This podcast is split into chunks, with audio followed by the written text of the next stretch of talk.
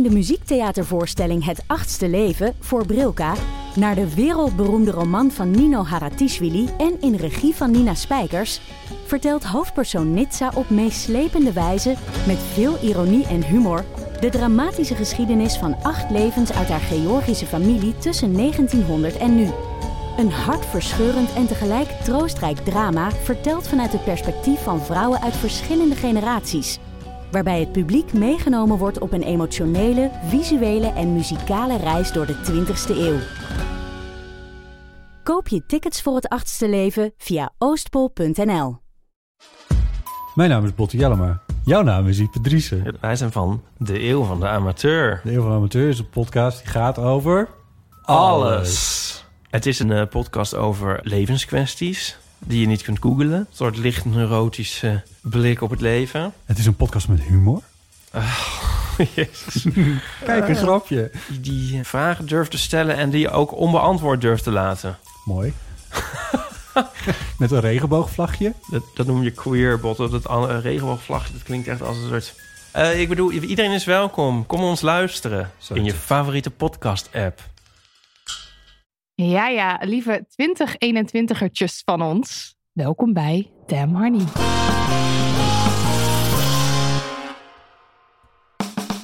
De podcast over shit waar je als vrouw van deze tijd mee moet dealen. Mijn naam is Marilotte. En ik ben Nidia. En ja, ja, ja, eindelijk mogen we 2020 een flinke trap tegen de reet geven, uitzwaaien en 2021 warm onthalen. En dat doen we in deze aflevering.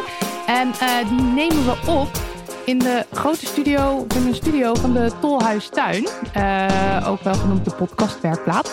En we kijken hier uit over het ei. We zitten in een grote ruimte. Het is hier echt, nou, het is hier heerlijk. Het is nog nooit zo luxe. Een podcast opgenomen. Uh, fun fact. Hier kun je dus komen om aan je podcast te werken, mocht je daar zin in hebben. Uh, check eventjes tolhuistuin.nl slash verhuur slash podcastwerkplaats. En kijk even of het dat voor jou is. Is ideaal.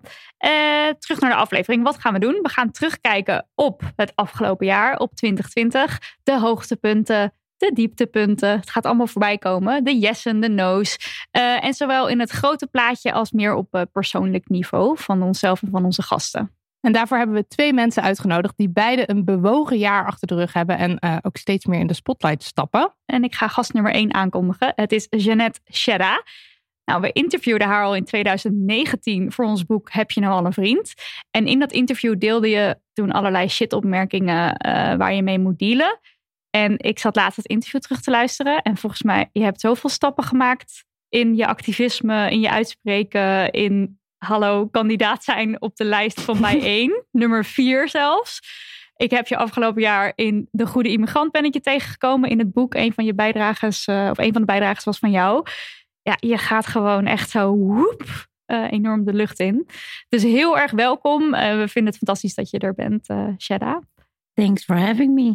Ja, en trouwens, want ik kondig je dan aan als je net Shedda, maar volgens zeg ik dan Shedda.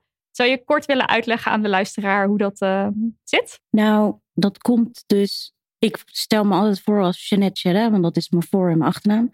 Maar online heet ik Shedda. En dus heel veel mensen noemen me ook gewoon Shadow, omdat ze denken dat dat mijn naam is. En eigenlijk klopt dat ook, want het is ook mijn naam. Ja. Maar mensen raken er ook van in de war. Ja, precies. Ja. En ze moeten wel het juiste vakje gaan inkleuren. Dus even to be uh, duidelijk. Jeanette Shedda, dat ga je op die lijst zien op nummer 4 bij 1.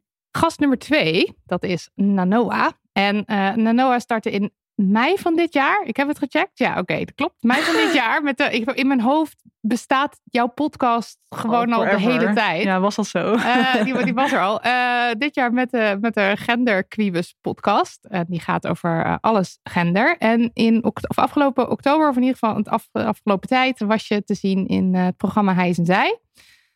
Um, ik weet dus niet meer precies hoe je op onze radar verscheen. Ik denk dat het was omdat je de tweede Nederlander bent met een X uh, op je identiteitskaart. Maar ik heb je voor eeuwig in mijn hart gesloten toen je die puzzel online zette van uh, The Pride. En die was zo leuk. En haar, die heeft me wel de lockdown doorgesleept. En wow. toen dacht ik, nou, Nanoa. en toen was ik binnen. Super. Welkom leuk. en leuk dat dank je bent. Je, dank je. Nog even op de valreep.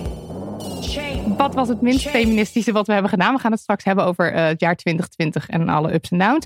Uh, wel, we starten wel eventjes uh, met onze gewone rubriek. Wat is het minst feministische wat je hebt gedaan? Nidia, go. Ja, de oplettende luisteraar die kan horen dat ik een leren broek draag. Hoor je dit? um, en wacht, het hele verhaal gaat zo. Ik mocht als soort kerstcadeautje bij Titia een vriendin van mij, ook in aflevering 3 van de podcast geweest. Zo kennen we elkaar ook. Hoe leuk dat we vrienden zijn geworden. Uh, mocht ik in haar kledingkast uh, neuzen. En dan de kledingstukken die zij niet gaat dragen de komende tijd, een paar maanden, mag ik dan in mijn kledingkast hangen. En dan uh, zijn we duurzaam en heb ik een leuke outfit aan. Dus dat is helemaal top. En toen had ik dus de, de iconische vlammentrui van Titia uitgekozen. Maar toen dacht ik, ja, dan moet ik er wel iets straks onder. Qua broek, want dat staat denk ik mooier. En toen lag ik zo gisteravond een beetje erover na te denken. En dacht ik, oh, dan moet ik die leren broek eigenlijk aan, want die zou heel cool staan. Maar deze broek, daar heb ik dus allemaal een soort rare issues mee. Dat ik dan dus bang ben dat ik aan ben gekomen en dat ik hem niet meer pas, omdat hij echt loeistrak was toen ik hem voor het eerst kocht. En het Ehm, het drukte mijn neus heel erg op de feiten van dat je dan denkt dat je dus helemaal niet meer met dat soort thema's bezig bent. Maar dat je dan blijkbaar toch de avond van tevoren gaat liggen denken van oh, maar straks pas ik er niet in. En, dan, en dat, dan, dat je dat dan stom vindt. Ja, maar er zijn, ik ken het, want ik heb ook een paar kledingstukken die ik dan gewoon niet aan wil trekken. Omdat ik je het gevoel heb dat je geconfronteerd wordt met, weet ik veel, ja, dat je bijvoorbeeld bent aangekomen. Ja. En uh, en dan krijg je daar een naar gevoel bij. En dat is voor jou dus nu die broek. Ja, en dat vind ik super stom. Want ik had niet gedacht dat dat in mij zat of zit. Maar blijkbaar is het dus nog wel zo. Ja. Um, ja, nou dat eigenlijk. Jij, Marilot? Ja, ik weet niet hoe jullie kerst was. Maar ik ben doodop. ik, uh, uh, ik heb me werkelijk een slag in de ronde gediscussieerd. Uh, met zowel mijn eigen familie als met mijn schoonfamilie. Uh, mijn vriendin, die zei op een gegeven moment wel nou, dat ze het leuk vond dat ik me in ieder geval zo thuis voelde bij haar familie dat ik uh, stond te schreeuwen en, uh, en op en neer stond te springen. dus al discussierende. Zo ken ik je. Ja, precies. daarom dan weet je dat ik me thuis voel. En nou, ik vond het dus zich wel feministisch van mezelf dat ik, dat ik discussies aanging. Want het ging over representatie in de politiek. En het ging over de weet vrouwen in het bedrijfsleven. En het belang van diversiteit en zo. En ik zat er helemaal in. Um, en nou ja, de gemoederen die liepen dus hoog op. Maar het lastige vind ik dan dus, en dat is mijn minst feministische. Ik vind het heel lastig om dan niet te overdrijven. Dus ik krijs dan zinnen als: er zitten nul vrouwen in de politiek. En dat is gewoon niet zo. En dat weet ik ook heus wel. Maar ik probeer dan een soort van mijn punt te maken. Door heel erg te overdrijven en dan iets duidelijk te maken. Maar het gevolg daarvan is natuurlijk dat mensen heus wel weten dat er wel vrouwen in de politiek zitten. En die gaan dan zeggen je overdrijft. En dan opeens is dus alle aandacht verschoven van waar het om gaat. Naar, uh, naar iets wat niet klopt wat ik heb gezegd. En dat, dat leidt gewoon de aandacht af. Dus, en ik loop hier wel vaker tegenaan. Want dan, dan loop ik ook te illustreren over als je, dan, als, als je dan de straat op gaat. Dan roep ik, ik word altijd nageroepen. Maar dat is natuurlijk ook niet altijd, altijd. Het is gewoon heel vaak. Maar dan gaan ze dan daar zo over. Is dat echt altijd zo? Nou, dan voor je het weet heb je een discussie die dus nergens meer over gaat. Um, ja, dus ik ga, als je dan met hem, als je het hebt over goede voornemens, denk ik dat ik ga proberen op te letten om niet te overdrijven. Ja, de grap is natuurlijk ook dat je dus helemaal niet hoeft te overdrijven nee, om dingen als genoeg. racisme, validisme, seksisme aan te kaarten, want het is al fucked up genoeg. Maar ja, ja ik snap het sentiment op zich wel. Ja. ja. Nou, de mijne is heel erg recent, want het gebeurde gisteren en ik weet nog niet helemaal goed wat het precies is wat er gebeurde. Maar ik had er wel echt een fout gevoel bij toen ik het zeg maar hardop zei. Maar het gaat dus over het volgende. Ik uh, heb ooit een uh, jurk gekocht en het is een gouden jurk. En het is een very sexy, revealing, amazing jurk. Um, die mijn nicht wilde lenen. En uh, voor oud en nieuw. En die jurk heeft ze al een keer aangehad. En die staat haar zo amazing. En dus ik had zoiets van, ja, tuurlijk, ik haal hem wel uit mijn koffer en dan kun je hem lenen. Maar toen waren we er gisteren met z'n tweeën. Um, en toen hadden we het dus even over de jurk. En toen zei zij, ja, ik zei, weet je al wat je aan gaat doen? Want ze was aan het nadenken over wat voor jurk ze zou aandoen met oud en nieuw. En ik zei, ja, ik geef hem je woensdag. En toen zei ze van, uh, ja, maar ik weet nog niet zeker of ik die van jou wil aandoen. Want hij is heel erg misschien te sexy. En ik weet niet of ik hem durf aan te doen, zei ze. En binnen een half seconde was ik dat aan het beamen. En was, had ik zelfs een heel betoog over waarom ze die jurk eigenlijk niet aan moest doen. En ik zei het en ik dacht, wat de fuck zeg ik eigenlijk? Ja, die jurk is ook eigenlijk veel te sexy. Inderdaad, dat moet je niet doen. Nee, maar ik baalde een beetje dat ik dat dus hardop zei. En dus blijkbaar dacht. En ik had ook gewoon een betoog klaar. Like, why? Doe die Hoe jurk kom je gewoon eraan? aan. Waar zat dat betoog Ja, maar dan, toch? Ja. Ja, maar waarom? Ik vind het niet Ja, leuk. Nee. ik- eh. Dus ik zei ook wel van, maar toen was het zeg maar al gebeurd. Ik zei wel ook, ik vind het eigenlijk niet zo tof dat ik dit zeg. Maar toen had ik het natuurlijk al gezegd. Ja. Ja. Maar ik weet nog, nog niet zo goed wat het is of waar het vandaan komt. Maar ik ga haar gewoon de jurk geven, daar niet van. En ik hoop ook dat ze hem aandoet. Maar Ja, dit is gewoon de, de, de maatschappij die je leert dat je dus je moet, verber je, moet je, je lichaam verbergen. ik zie haar dus nu voor me en het staat echt fantastisch. Ja. Hè? En ik hoop eigenlijk ook dat ze hem aandoet. Yes. Oh, Dat als luistert, please trek hem aan. Doe Ja. Nou, Noah. Ja, mijn is denk ik wel een beetje een, een kleine klassieker. Ik denk dat iedereen dit wel heeft gehad namelijk. Ehm, en ik, maar toch schrok ik er zo erg van dat ik er nog over nadenk. Want het is eigenlijk al een paar weken geleden dat dit is gebeurd. Maar als je me dit zo vraagt, is het het eerste waar ik aan denk. En dat was dat ik... nou, ik had gewoon een casual gesprek op Instagram DM met een vriend van mij. En eh, hij begon over dat hij naar de huisarts was geweest. Nou, even over die huisarts gepraat. Even over dat hij daar was geweest. En ik weet niet eens meer waar het over ging. Ik voel hem aankomen. Ja, je voelt hem waarschijnlijk wel aankomen. En ik ging automatisch, nou, wat zei hij dan? Ja. En wat, eh, hoe ging dat dan? En zijn en hem en hij. En die vriend zegt gewoon eh, van, nou, mijn huisarts is een vrouw. En toen schrok ik daar zo Ja. van. En het domme daaraan is eigenlijk dat eh, mijn huisarts is ook gewoon een vrouw. Dus ik dacht echt, wat ben ik nou aan het doen? En ik zit er, ik zit er al weken mee. Dat ik Ja. echt denk van, wat is dit voor rare mindset die ik nog moet aanpassen? Omdat ik altijd het idee heb dat ik zo vooruitstrevend ben en weet ik het allemaal. Eh, dat ik dat nog dacht. Ik schaam me diep. Ik Ja. schaam me diep. Echt, ik heb er echt mee gezeten. Dat was het eerste waar ik aan dacht. Ja, het is een hele goeie. Ik heb dit ook heel vaak. Ja, ik, denk dat, ik denk oprecht dat iedereen het wel eens heeft. Ja. Maar ik vind het echt... Voor iemand die zich inderdaad zo uitspreekt over van alles en nog wat. En dan dit denken. Dat is Ja, echt dat een stukje mindset. Dat is confronterend, Confronterend, hè? ja. dat Een stukje mindset. Ja, ik heb dat ook. Ja, is verschrikkelijk. Dus dat is eh, zeer zeker het on- meest onfeministische wat ik heb eh, meegemaakt de afgelopen weken. Ja, zo zie je maar weer hoe belangrijk dus representatie is. Want als we meer Ja. beelden zien van andere... Ja, Denk Ja, maar ja, bijvoorbeeld als, aan je die... eigen, eh, als je eigen huisarts een vrouw is, want ik heb dat ook hoor. Ik denk bij het woord huisarts vaak aan mannen. ja, maar ik heb notabene eh, een huisartsenpraktijk waar drie huisartsen zijn, alle drie vrouw. Ja, maar denk ook aan die pictogrammen die ze nu gebruiken op de eh, Rijksoverheidssite. Daar, is- daar, daar komt dat representatie ook niet in terug. Dus Nee, het is klopt. echt verschrikkelijk Ja, eigenlijk. De mensen die dat niet kennen, dat zijn dan dus plaatjes van bijvoorbeeld een arts. En dat, zijn dan, dat is dan dus een man. Ja. Ja, En een verpleegster, verpleegkundige, een verpleegkundige ja. is een vrouw. Is dan weer een vrouw. Ja. Ja. Classic. ja heel classic.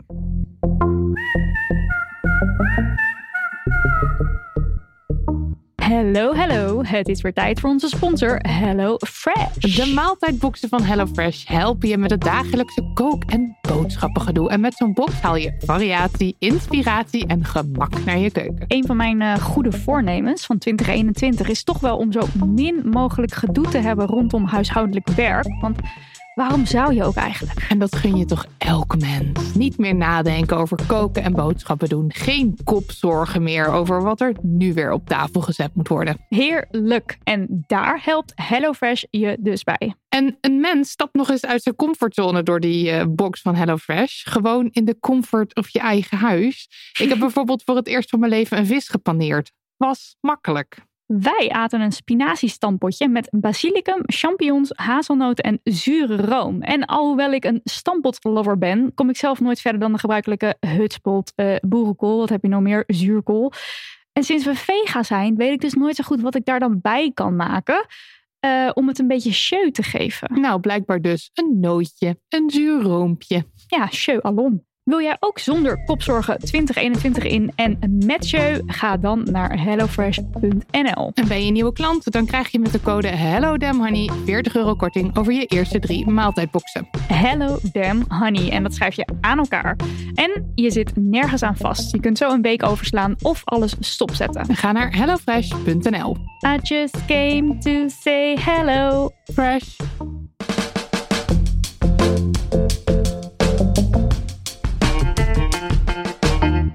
Deze aflevering een klein beetje anders doen dan in de normale afleveringen. Dus we hebben geen eh, post en geen yes en no. Want we gaan eh, het jaar doorspreken. 2020. Bye bye 2020. En dan is er natuurlijk een pre-corona en een tijdens corona. Ja, want post daar zijn we nog niet. Post zijn we nog Nee. niet, nee. Maar misschien kunnen we beginnen met die eerste maanden, januari, februari, maart. Toen eigenlijk, ja, je nog Corona het idee nog had dat, er, ja, dat je gewoon je ding ging doen dit jaar. Dan Noah, weet jij nog een beetje hoe je 2020 inging? Ja. ja, eigenlijk was het een, direct al een soort baanbrekend jaar voor mij. Eh, ik ging uit huis voor het eerst, echt. Eh, en ook nog eens naar de andere kant van het land. Ik kom uit Drenthe en ik ben in, eerst in Alkmaar gaan wonen. Dus dat was direct ook al heel ver weg. Eh, en ik had een nieuwe baan in Amsterdam. Dus het was allemaal heel, heel veel en heel leuk en heel spannend. Het was echt- echt een kantoorbaan. Dus ik voelde me heel volwassen op met mijn, met mijn net twintig. En ehm, dus dat was, dat was heel goed. Het was eigenlijk heel. eh, het liep echt. Op 14 januari of zo zei ik al. Nou, dat wordt een lekker jaar. dat is, eh, nou ja, ik moet zeggen. Het is wel op zich redelijk gegaan. Maar het is wel. eh, het is heel, heel, heel anders gelopen uiteindelijk. Ja. Ja. En bij jou, Shada? Wat was je vraag? Ja, weet je nog een beetje hoe het was voor corona? Hoe je naar 2020 keek? Misschien had je wel plannen of goede voornemens of iets. Ehm, nou, als ik. Ik had ten eerste heel veel reisplannen. Heel veel reisplannen. Ja, dat was meteen Dus- allemaal weg. Dat was met, nou niet meteen allemaal weg. Kijk, als ik terugkijk op dit jaar, is zeg maar één moment heel erg ehm, veel betekenend geweest. En het was ook een week voor de lockdown. Het was namelijk eh, en de aanloop naar de Women's March van dit jaar. En de Women's March zelf. Omdat ik daar een speech heb gehouden. En in de aanloop naar de Women's March was, waren er dus al, in ieder geval in, in de groep waar ik eh, dus zit, Feminist Against Ableism, al tijden een gesprek.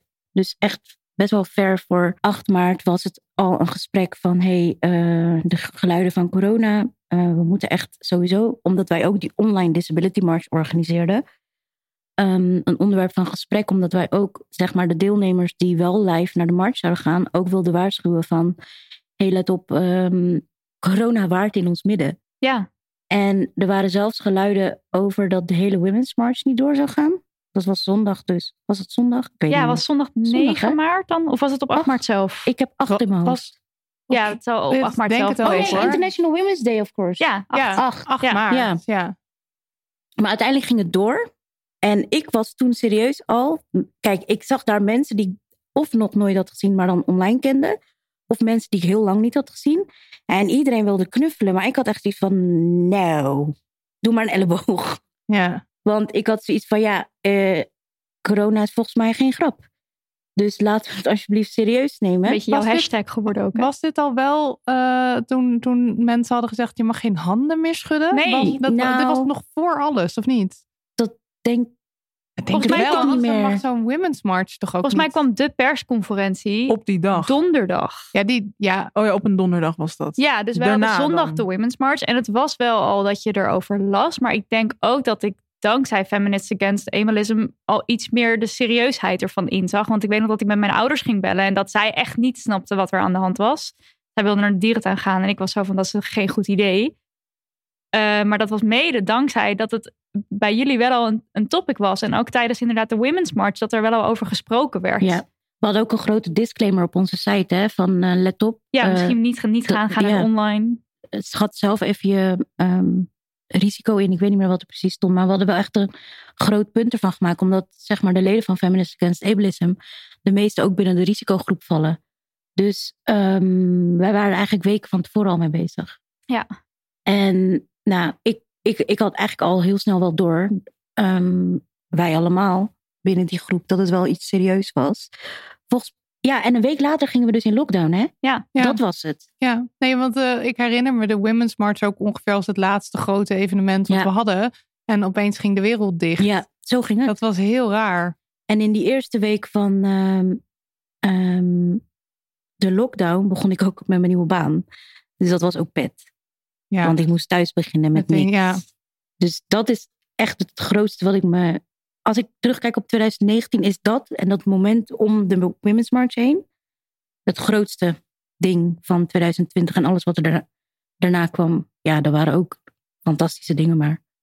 Als ik terugkijk op 2020 was dat echt een keerpunt. ja. En wat zou je dan gaan reizen wat je dan dus nu niet kon doen? Nou, ik zou dus naar Polen gaan met de auto, roadtrip. Ik was van plan naar, we hadden ook al geboekt. Ik vergeet steeds dat land naast Kroatië, vlakbij Montenegro. Oh, nee, Niet naar mij moet je, moet je niet. Iets met de M van Maria. Ik kan die naam niet in mijn hoofd krijgen. daar- Macedonië? Ja, Macedonië. Nou, Ding, ding, ding. Jij gaat door voor de, I don't know. Klein pubquiz element. Ja, Ja, dat dus dat- ging dus niet door. ging allemaal van de baan. Ja. En ik, meestal ga ik met mijn verjaardag ook weg. Cadeau aan mezelf, maar dat kon dus ook niet. Als wij terugkijken naar ons jaar, dan ehm, heb ik een heel duidelijk. eh, wij, wij gingen als een soort. Dan heb ik het over. Damn Honey. Wij gingen echt als een speer. Het was echt. We, we stortten ons 2020 in. Mijn eerste post van 2020 was ook. Meiden, 2020 wordt helemaal zo. Daar heb ik spijt van. Met een duimpje omhoog. Nidia ontdekte trouwens recent dat eh, Boris Johnson op 2 januari basically hetzelfde had getwitterd. Fotootje van duimpje omhoog. Oh, eh, Voor no. een topjaar zoiets. Dus sorry, Boris en ik hebben alles gecheckt. Ja. Eh, maar wij gingen echt als een speer. Want ik heb dus even opgeschreven wat wij allemaal deden. Maar wij hebben het, eh, het event van de cyclusstrategie gehad. Dus we hebben die boeken uitgebracht over, de, over, over je menstruatiecyclus. Eh, we hadden een screening van Little Women. We mochten spreken in Parkhuis de Zwijger. We hebben in een museum gestaan. Eh, er was ook nog eh, het boekenbal. Het, daar, hebben we het nog, daar hebben we het eigenlijk het hele jaar lang over gehad. Want iedereen, elke media outlet die ons spreekt, wil de hele tijd dingen weten over de tepelkwastjes waarmee we naar het boekenbal gingen. Ehm, blijkbaar een heel ding. Eh, we hadden eh, nou ja, de Women's March. Maar en, en we hadden dus best wel symbolisch eigenlijk. Onze laatste, eh, ons laatste evenement was een live show. Dat was hier in, In de, de Tolhuis. Tolhuistuin. Ja. Want toen hebben we hier een podcast opgenomen. Een live podcast over, over pro- protesteren en demonstraties. En alle, alle mensen die voor ons kwamen. En die al hadden gestreden voor alles waar we tegenaan lopen. En gelijk recht en weet ik wat. Eh, zodat we vol power die Women's March in konden. Ehm, en toen ging dus de wereld op slot. En eerlijk gezegd, ja, dat, was gewoon het eind. En toen was het opeens klaar. Dus ik heb een heel duidelijk punt van super, echt een soort van standje 100 naar 0. En voor ons betekende dat eigenlijk vooral dat al onze klussen werden afgezegd. Dus dat we niet meer konden spreken en zo. Maar we konden wel schrijven, dus dat was heel erg fijn. Maar wat voor invloed had het op jullie levens? Nou ja, voor mij, ik was natuurlijk net begonnen met mijn nieuwe baan Ja. op kantoor en zo. En daarvoor was ik ook verhuisd. Dus het was wel echt een ding van, nou, dan hoef ik eigenlijk niet meer naar kantoor. Dat was één ding. Eh, alles was thuis. En ehm, ja, dat is, dat, ik denk dat dat het grootste is. Ineens hoefde ik nergens meer naartoe. En kon ik ook echt nergens naartoe. Ehm, dus dat was denk ik het grootste voor mij op dat moment. Want mijn werk ging gelukkig wel gewoon door. Daar heb ik heel veel geluk mee gehad. Dat dat gewoon online eh, allemaal verder kon lopen. Eh, dus daarin heb ik eh, gelukkig niet veel tegenslagen gehad. Maar het feit dat ik niet naar kantoor kon, terwijl ik de newbie was, dat was wel een dingetje. Ja, Ja, ik had wel echt voor jou hetzelfde. hetzelfde, ja. Ja, want ehm, ik ben niet zo'n thuiswerker. Ik heb het echt nodig, de interactie met collega's. Dus laat staan als het een nieuwe baan is. Dus dat eh, herken ik wel heel erg. En kijk, ik woon alleen. En wat er heel erg veranderde was mijn bewegingsvrijheid.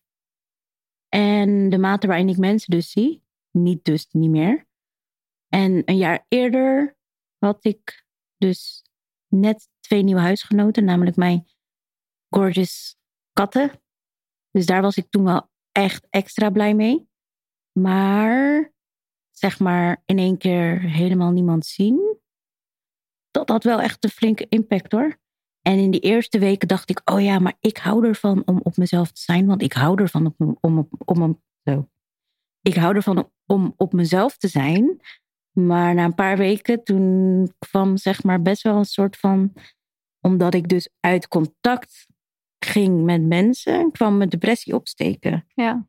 En dat was wel eventjes dat ik dacht van shit. En daarvoor dacht ik dus al die tijd van ja, ik, heb- ik ben echt goed in het managen van mijn depressie. Dat dacht ik echt. Maar ik werd dus heel erg geconfronteerd met dat ik nog best wel wat stappen daarin kan maken. Want jij ontdekte eigenlijk dat jouw het sociale leven en interactie met mensen er ook voor zorgde dat je de depressie kon managen. Of dat dat een onderdeel was daarvan. Nee, nee, nee, dat wist ik wel al. Maar ik ben niet zeg maar van huis uit een echte prater over mijn gevoelens en emoties en dingen die ik meemaak. Dus ik dacht dat ik dat de afgelopen jaren best wel goed had geleerd. En ik had het wel goed geleerd. Maar toen ik het in één keer vanuit mezelf moest opzoeken, zonder zeg maar daadwerkelijk met mensen te zijn. Dus allemaal online of telefonisch of WhatsApp, weet ik veel wat. Dat, dat ging gewoon iets moeilijker. Dus En- dat je zelf actief aangeeft van hey, ja, Dat is ook echt een hele grote stap natuurlijk. Maar volgens mij heb je daar ook wel weer stappen in gemaakt. Want ik zag laatst een tweet langskomen van jou. waarin jij hebt aangegeven: mensen, als je nu niks meer van mij hoort. wil je even vragen hoe het met me gaat. Want ik ben bang dat ik verdwijn. Ja, Dus je geeft het nu wel zelf aan. ja. Ja, het viel me echt op. Want het is Ja. echt wel knap ook dat je dat gewoon op het internet slingerde. Ja, dat was wel een big step. Kijk, ik heb ook best wel een beetje geluk gehad met... Ik heb een nicht, waar ik het eerder over had, met de jurk. De golden dress. De golden dress Hallo, nicht. nicht, die ze aan moet, die ze aan moet. Ja. Nee, maar zij eh, houdt me wel echt bij de les daarin hoor. Want kijk, begin van de pandemie, als zij dan vroeg... Kijk, ik spreek haar zeg maar dagelijks. Dus of het app is, telefoon, maakt niet uit. In het begin van eh, de pandemie, als ze dan vroeg... hey, hoe is het? Wat heb je gedaan? Ja, goed werk. Dat was dan mijn antwoord. Alsof ik een of ander... Nee, anyway. Dat was mijn Een soort antwoord. robot. Precies, robot. Ik wilde eigenlijk zeggen puber. Sommige pubers zijn heel kort van antwoord. Hoi, hoe gaat Sommige het? pubers zijn ook Ja. hele leuke pubers. Hallo, leuk dat je luistert. Nee, nee, nee, maar- Ja, We love you. school maar daarom, weet je wel. daarom censureer ik mezelf. Dus misschien moet je Heel het goed. Nee, nee, nee. Robot. Als een robot. Ja. Ik heb gewerkt. En eh, weet je, maar zij bleef prikken en vragen. En toen confronteerde ze me ook op een gegeven moment van... Ja, waarom ben je nou zo kort? Ehm, ga eens wat meer vertellen over wat je allemaal denkt, wat je allemaal meemaakt. En dat heeft me best wel ehm, geholpen om me bewuster te zijn van hoe ik dus uitschakel eigenlijk, zolang als ik te lang alleen ben. Dat is ook wel goed advies voor mensen die iemand in hun omgeving hebben waarvan ze merken dat het wat korter af wordt. Van blijf gewoon doorvragen, want eigenlijk was dat dus wel prettig.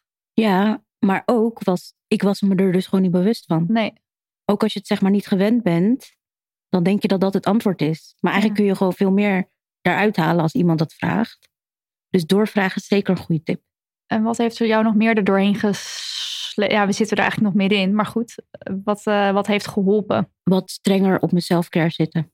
Hmm. Dus ehm, voor mij zit selfcare heel erg in de basics. Dus goed rusten, ehm, goed eten en genoeg. Want soms had ik de neiging om maaltijden over te slaan, niet te ontbijten of zo. Maar ik ben nu wat strenger, gewoon drie keer per dag eten minimaal. Dat ik gewoon genoeg fuel heb om te functioneren, zeg maar. Ehm, ontspanning. Dus dat ik gewoon even niet bezig ben met werk of politiek of media. Gewoon echt totaal iets anders. Ja, hoe doe je dat dan? Want dat is super moeilijk. Als Ik ik, vanuit. Dem Honey eh, kijk, ik Ja. vind dat ook heel lastig. Ja, dat is ook heel lastig. Help. Ja, Heb je een tip? Een goede vrijpartij van een paar uur. Dat Ja. een heel goed Ja, idee. Ja. Nee, maar- idee. Daniel, als je luistert. Gewoon dat wel van de als je wereld. luistert. Ja. Nee, maar gewoon dat je even van de wereld bent. Ja. Met iemand even in een bubbel kruipt. En dan geen telefoons ook. Dat, Ja. dat is mijn eerste tip. En eh, mijn nicht is ook heel goed in activiteiten verzinnen die, waar ik gewoon totaal geen creativiteit voor heb. Dus we waren bijvoorbeeld met haar verjaardag naar een klooster. En we waren echt de enigste van de vier. Nou, echt gigantisch klooster ergens in Amersfoort. En dat was hartstikke stil. Er was echt bijna niemand. Maar we hebben het zo leuk gehad met z'n tweeën. Fotoshoots in bad. Dat klooster door. En dan als ik oude gebouwen zie, dan zie ik ook een soort van. Dan fantaseer ik helemaal terug naar, weet ik veel, de middeleeuwen. En dat daar vroeger mensen waren. Of dat, en ik geloof in spoken. Dus er, we hebben echt wel wat eh, spannende verhalen verzonnen, zeg maar, tijdens het ontdekken van het klooster. Dus ja, als je iemand hebt die creatief is in dat soort activiteiten, dat helpt ook wel. Want ik denk niet dat ik heb. Oh ja, dat is wel echt een big deal trouwens. Ik heb dus ook echt de switch gemaakt van dat ik heb zeg maar altijd mezelf wijsgemaakt dat ik alles zelf moet kunnen, ja. Maar zeg maar de stap naar dat er dus niks mis is met hulp vragen en hulp ontvangen. Dat is voor mij echt een lifesaver geweest. Want ik ging mezelf shamen als ik hulp nodig had. En nu vind ik dat zelf echt belachelijk, als ik dat zo hardop hoor. Maar er is dus helemaal niks mis met hulp vragen of ontvangen. Want wat mij daar bijvoorbeeld heel erg in heeft geholpen is... stel dat je het omdraait en iemand komt jou om hulp vragen... dan ga je toch ook niet zeggen van ja, doe eens even normaal, doe het lekker zelf. Ja, Like, je wil juist graag Ja. voor iemand kunnen zijn. precies. En als het niet uitkomt, omdat je zelf met iets dealt, dan kan je het ook weer aangeven. Dus het is ook niet een. Eh, er mag ook een nee op komen, maar vraag het gewoon aan iemand. Ja. Ja, het is heel mooi dat je dat, eh, dat, je dat zo geleerd hebt. Dus want voor mezelf zorgen kan ik, dat weet ik nu. Maar eh, dus hulp vragen, dat helpt mij ook best wel doorheen. Hulpvragen is dan natuurlijk ook een vorm van self-care. Ja. Of een vorm van zelf, dat is self-care. Ja. En Noah, heb jij nog self-care tips? Hoe eh, ben jij de lockdown, de eerste lockdown Ja, de eigenlijk eerste. overkomen? Ja, Of de tweede, of Ja, de derde. allemaal. Maar de eerste hebben ja. we, ik bedoel, ik heb, ik heb het idee dat we de eerste wel echt allemaal anders hebben ervaren dan wat er nu gebeurt, 100 toch? procent. Ik of is wel. het een aanname van mij? ik heb het sowieso heel anders ervaren. Ik merk echt dat het nu. Eh, sowieso is mijn situatie heel anders. Maar het is ook dat ik echt toen dat ik echt zoiets van. Nou, hoe gaan we dit het beste. Wat gaan we, hoe gaan we hier het beste van maken? Hmm. En dat was direct ook mijn valkuil. Dat moet ik direct bij zeggen. Want hoe gaan we hier het beste van maken? Niet.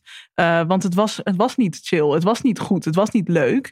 Eh, en al zeker niet de beste periode van ons leven voor de meeste mensen. En ik denk dat dat voor mij, het was een moment met mijn toenmalige manager, want ik ben nu gestopt bij, dit, bij dat kantoorbaantje die ik dus had. Ehm, dat ik, ik merkte er gewoon dat ik me heel erg schuldig voelde de hele tijd. Omdat ik het gevoel had dat ik niet productief genoeg was. Ja, dat je Oh, niet het ja. maximale... Ja, dat ik niet ja. het maximale uit mezelf haalde. En dat, dat heb ik sowieso al, maar al helemaal in zo'n pandemie. En ik merkte toen, toen heb ik een kort gesprek gehad met mijn manager. En waar ik zei, ja, ik, ik heb gewoon het idee dat ik, dat ik een beetje, dat ik, ja, dat het gewoon niet gaat. En dat het soms ook gewoon, dat ik gewoon te weinig doe. En dat ik daar wel voor betaald krijg. En dan, ik raakte daar helemaal van in paniek of zo.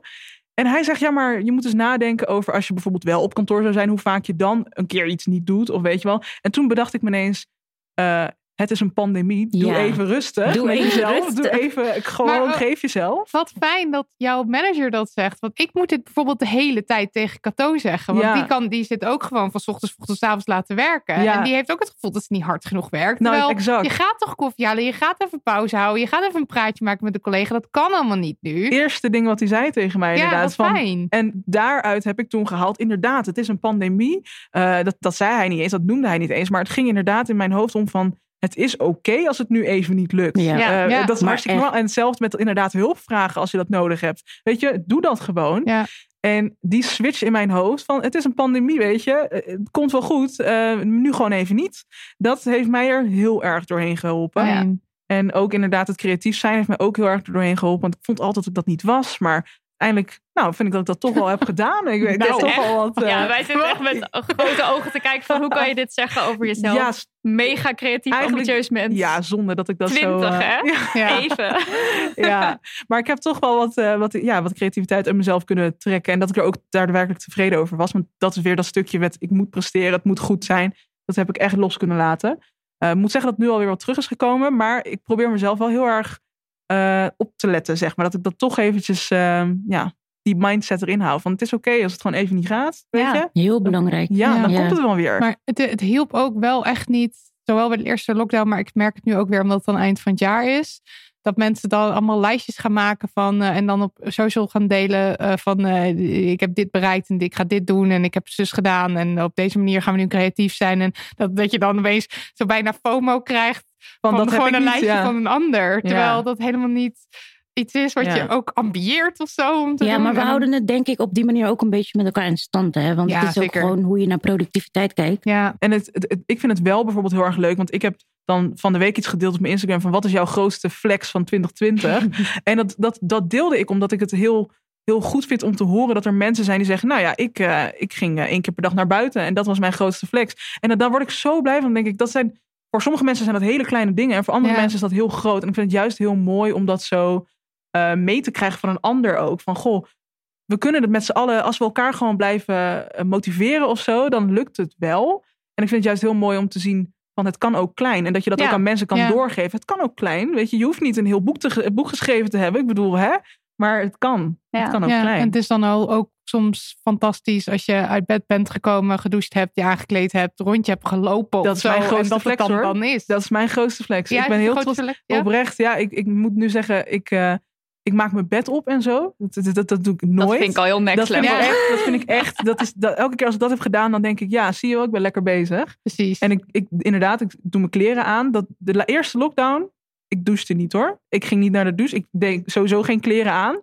Eh, ja, gewoon mijn pyjama of zo, weet je wel. Altijd mijn kloffie. Maar nu, ik douche elke dag, doe zelfs bijna elke dag mijn haar. Nou, dat is echt een ding. dat is echt een ding. Dus dat is wel, eh, ja, ik moet zeggen dat het daarin steeds beter gaat.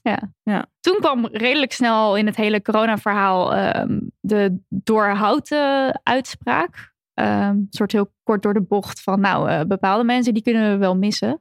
En toen kwam uh, Feminists Against Ableism met de hashtag geen doorhoud. Shada, wil je daar iets over vertellen? Sowieso, wat zijn je eerste gevoelens als je zoiets hoort, leest? Heel dubbel eigenlijk, want um, je moet je voorstellen dat we dus zeg maar in Nederland gesprekken voeren over, zeg maar, over mensen. Op een manier van dat nu tijdens de COVID-pandemie we zeg maar het dorre hout kunnen kappen. Like risicogroepen, die kunnen we wel zeg maar missen als die eraan overlijden. Want I don't know wat je erbij denkt, maar die ruimte is er in Nederland. Dat we gewoon dat soort gesprekken voeren. Ja, en ook meerdere keren, hè? Want het, ja, het kwam steeds terug. Nieuw. Nee, het was ook niet nieuw. Het, dit, dit, gesprek wordt al langer gevoerd. Niet alleen tijdens, tijdens deze pandemie. Ik heb er hele dubbele gevoelens over. Ik ben, kijk, over het algemeen gaan disability uh, onderwerpen niet viral. En ik bedoel, ik dacht bij mijn speech op de Women's March. Dat had iemand opgenomen en dat had ik op YouTube gezet. Ik dacht van ja, dit moet gewoon viral gaan, weet je wel. En dat heb ik vaker met disability onderwerpen. Dat ik denk van, waarom gaan deze onderwerpen niet viral? Maar um, disability onderwerpen gaan dus over het algemeen niet viral. Maar toen heeft um, toen de zoveelste column waarin zeg maar gesproken wordt over mensen met een beperking, um, chronische ziekte of psychische kwetsbaarheid. Dus mensen die in een risicogroep vallen. Um, ja, de zoveelste column waarin weer gezegd wordt dat dat dus ja, oké is of zo. Als die mensen zouden komen te overlijden. Ja, precies. En um, toen kwam dus Jackie Davis. Die deed de eerste tweet. En toen is dus hashtag geen doorhoud viral gegaan. En ja, ik had dubbele gevoelens bij het viral gaan van dat onderwerp. Of die hashtag. Want aan de ene kant had ik zoiets van ja ik twijfelde om er iets op te posten, omdat ik dacht van ja, moet ik nou gaan bewijzen dat ik het waard ben om straks een IC-bed te krijgen als ik ziek ben? Maar tegelijkertijd dacht ik ook van ja, uh, dit soort onderwerpen gaan niet zomaar viral. Dus het is wel een, iets dat leeft, zeg maar, bij um, mensen. Met een, ja. En het zou bij iedereen moeten leven. En dat is wat je dan wil bereiken met zo'n actie. Maar dat dat je dus in een tweet moet gaan zetten: Hallo, ik ben Shada en ik ben een mens met dromen en een leven en een, en een baan of niet. Of nou, gewoon dat je zeg maar jezelf moet gaan verkopen bijna. Ja. Dat is natuurlijk afschuwelijk. Dat, daar zat voor mij ook de pijn in. Maar ik begrijp het tegelijkertijd wel, omdat die behoefte er wel aan was. Ja. Want je zag hoe massaal erop gereageerd werd. En je kon zeg maar op die hashtag ook dus zien dat je dus praat over mensen en niet takjes doorhouden. Precies, ja. Het zijn mensen. Ja, want het zijn moeders, het zijn vaders, het zijn mensen die uh, gewoon onderdeel zijn van deze samenleving. En weet je, uh, de mate waarin je ziek bent, een chronische ziekte hebt, een beperking of psychische kwetsbaarheid zegt niks over jouw waarde. Um, ja, dat zegt helemaal niks over je waarde. Nee. En we hebben het net ook, ging het ook even over de eerste lockdown en dan hoe dat dan nu anders is. Maar laten we wel weten, er zijn heel veel mensen die nog steeds in de eerste lockdown zitten, zoals, um, ja, zoals die gestart is. En dat moet je ook niet vergeten. Nee, dat klopt. Er zitten dus al sinds maart mensen thuis. Ja, ja. ja.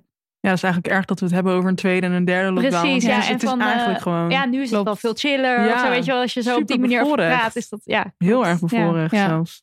Maar dan, dan, ja, dan is de eerste lockdown, de, zeg maar, zo wat wij de tweede zien, is nog steeds de eerste voor heel veel mensen.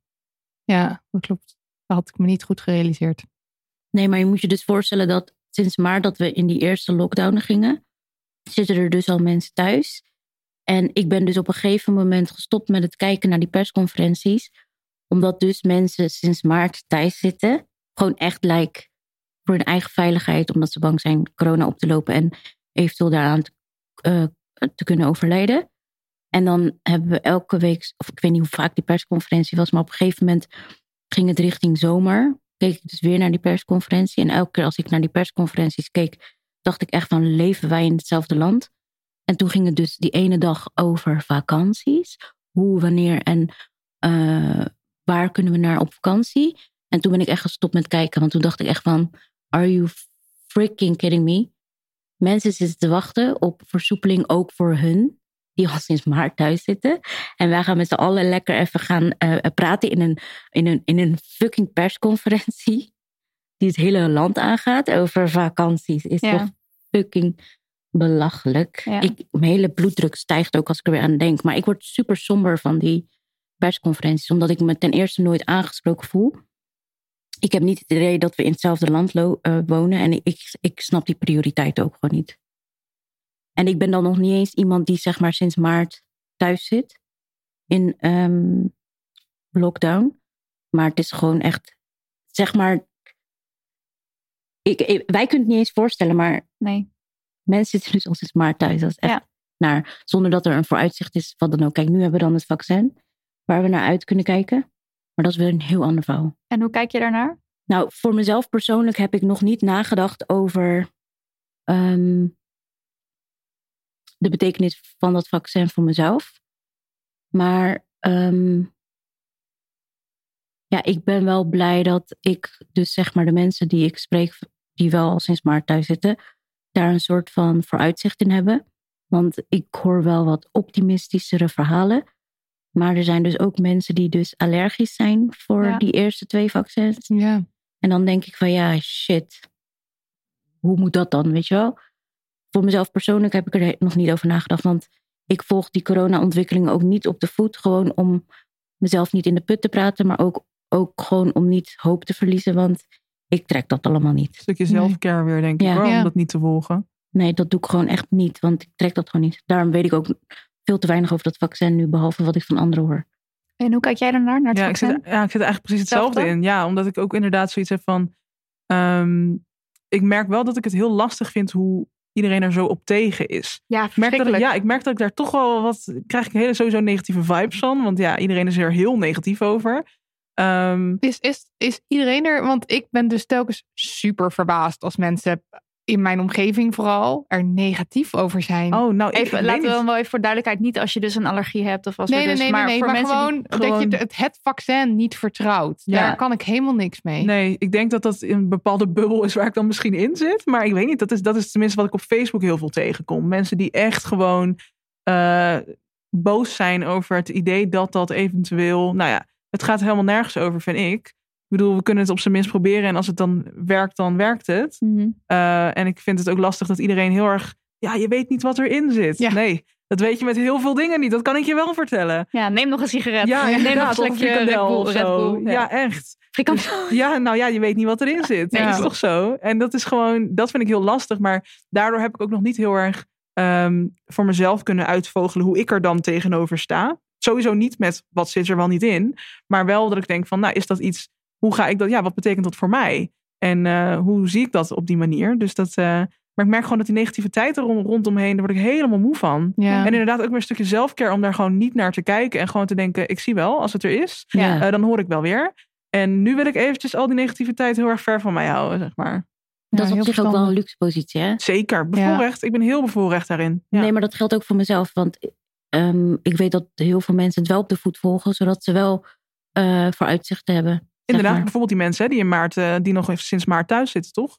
Dat is voor hun kan het heel erg een, een eh, vooruitzicht zijn. Terwijl ik alleen maar denk, nou ik zie wel. Ja, Ja. Dat is echt een voorrecht. Zeker. Ja, er was iemand in onze DM die vroeg van wat vinden jullie eigenlijk van het vaccin? Dat vond ik zo'n rare vraag, want ik dacht, hè, moet ik, moet ik nou gaan zeggen van ja, go met het vaccin? Want dat Buit is in mijn vol. hoofd zo logisch. Natuurlijk, weet je, als we gaan, ga, ja. Ja. Ja. Maar goed, dat het dan toch ook nog maar eventjes op band staat. Ja, het speelt. is Het speelt wel. voor het Ja. vaccin. Ja, Ja. Damn Honey loves het Laten vaccin. we, laten we doorgaan naar de andere grote ehm, eh, gebeurtenis of beweging eigenlijk. De Black Lives Matter eh, movement. Ehm, Zijn we niet als Nederland heel erg rijkelijk laat met het al vaccineren? Landen om ons heen zijn al aan het we zijn super laat, ja. Ja. we beginnen pas Dat- op dat- 8 dat is nog- we zijn al van start in, in heel veel landen, maar niet in ja, dus Nederland. dat, dat wilde ik nog even. En dat is ook weer heel apart allemaal. Maar Ja. goed, dat is een heel ander verhaal. Ehm, ja, hoe sneller, hoe beter is echt wat ik zou willen. Black Lives Matter. Hoe hebben jullie die eerste periode ervaren? Echt het begin. eh, Dat, oeh, voor mij persoonlijk, identiteitscrisis. Dat is het eerste woord wat ik er eh, Hmm. aan eh, koppel. Dus het is wel heel persoonlijk direct. Uh, maar dat komt omdat eh, dat, dat kwam zo op. En ik voelde van alles. En ik kon het allemaal niet plaatsen.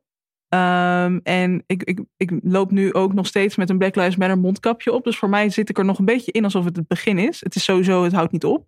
Maar het, het voelt voor mij nog heel erg in, alsof het het begin is. En ik merk dat ik heel erg zoiets heb van... wat moet ik precies voelen? Want ik ben, eh, voor de mensen die niet weten hoe ik eruit zie, ik heb een kleurtje. Uh, ik heb, mijn moeder is Nederlands en mijn vader is Afrikaans. Uh, en ik ben in Nederland opgegroeid en hier heb ik altijd gewoond. En dit is de cultuur die ik tussen aanhalingstekens ken. maar die van mijn vader, de Afrikaanse cultuur, ken ik niet. als in echt, echt niet. En ik merkte heel erg dat, um, dat ik het heel raar vond om naar buiten te gaan. Het klinkt heel gek misschien. Um, of heel onwennig, want het was ik ging dan naar buiten en ik had heel erg het idee dat mensen dan heel erg iets van mij konden aflezen of zo. Een soort van, oh, die zal ook wel voor dat zijn of zo. Hmm. Zoiets. Ik weet niet precies hoe dat, maar het voelde heel gek, want toen ging ik bij mezelf nadenken van, hoe voel ik me hier eigenlijk over en wat moet ik eigenlijk voelen? Omdat ik juist, ik, voel me, ja, ik voelde me nergens echt uh, op mijn plek. Hmm. Dus die Black Lives Matter movement heeft voor mij een, een soort stukje identiteit ontwikkeld, of niet ontwikkeld, of meer bevraagd van hoe zit dat bij mij en hoe werkt dat?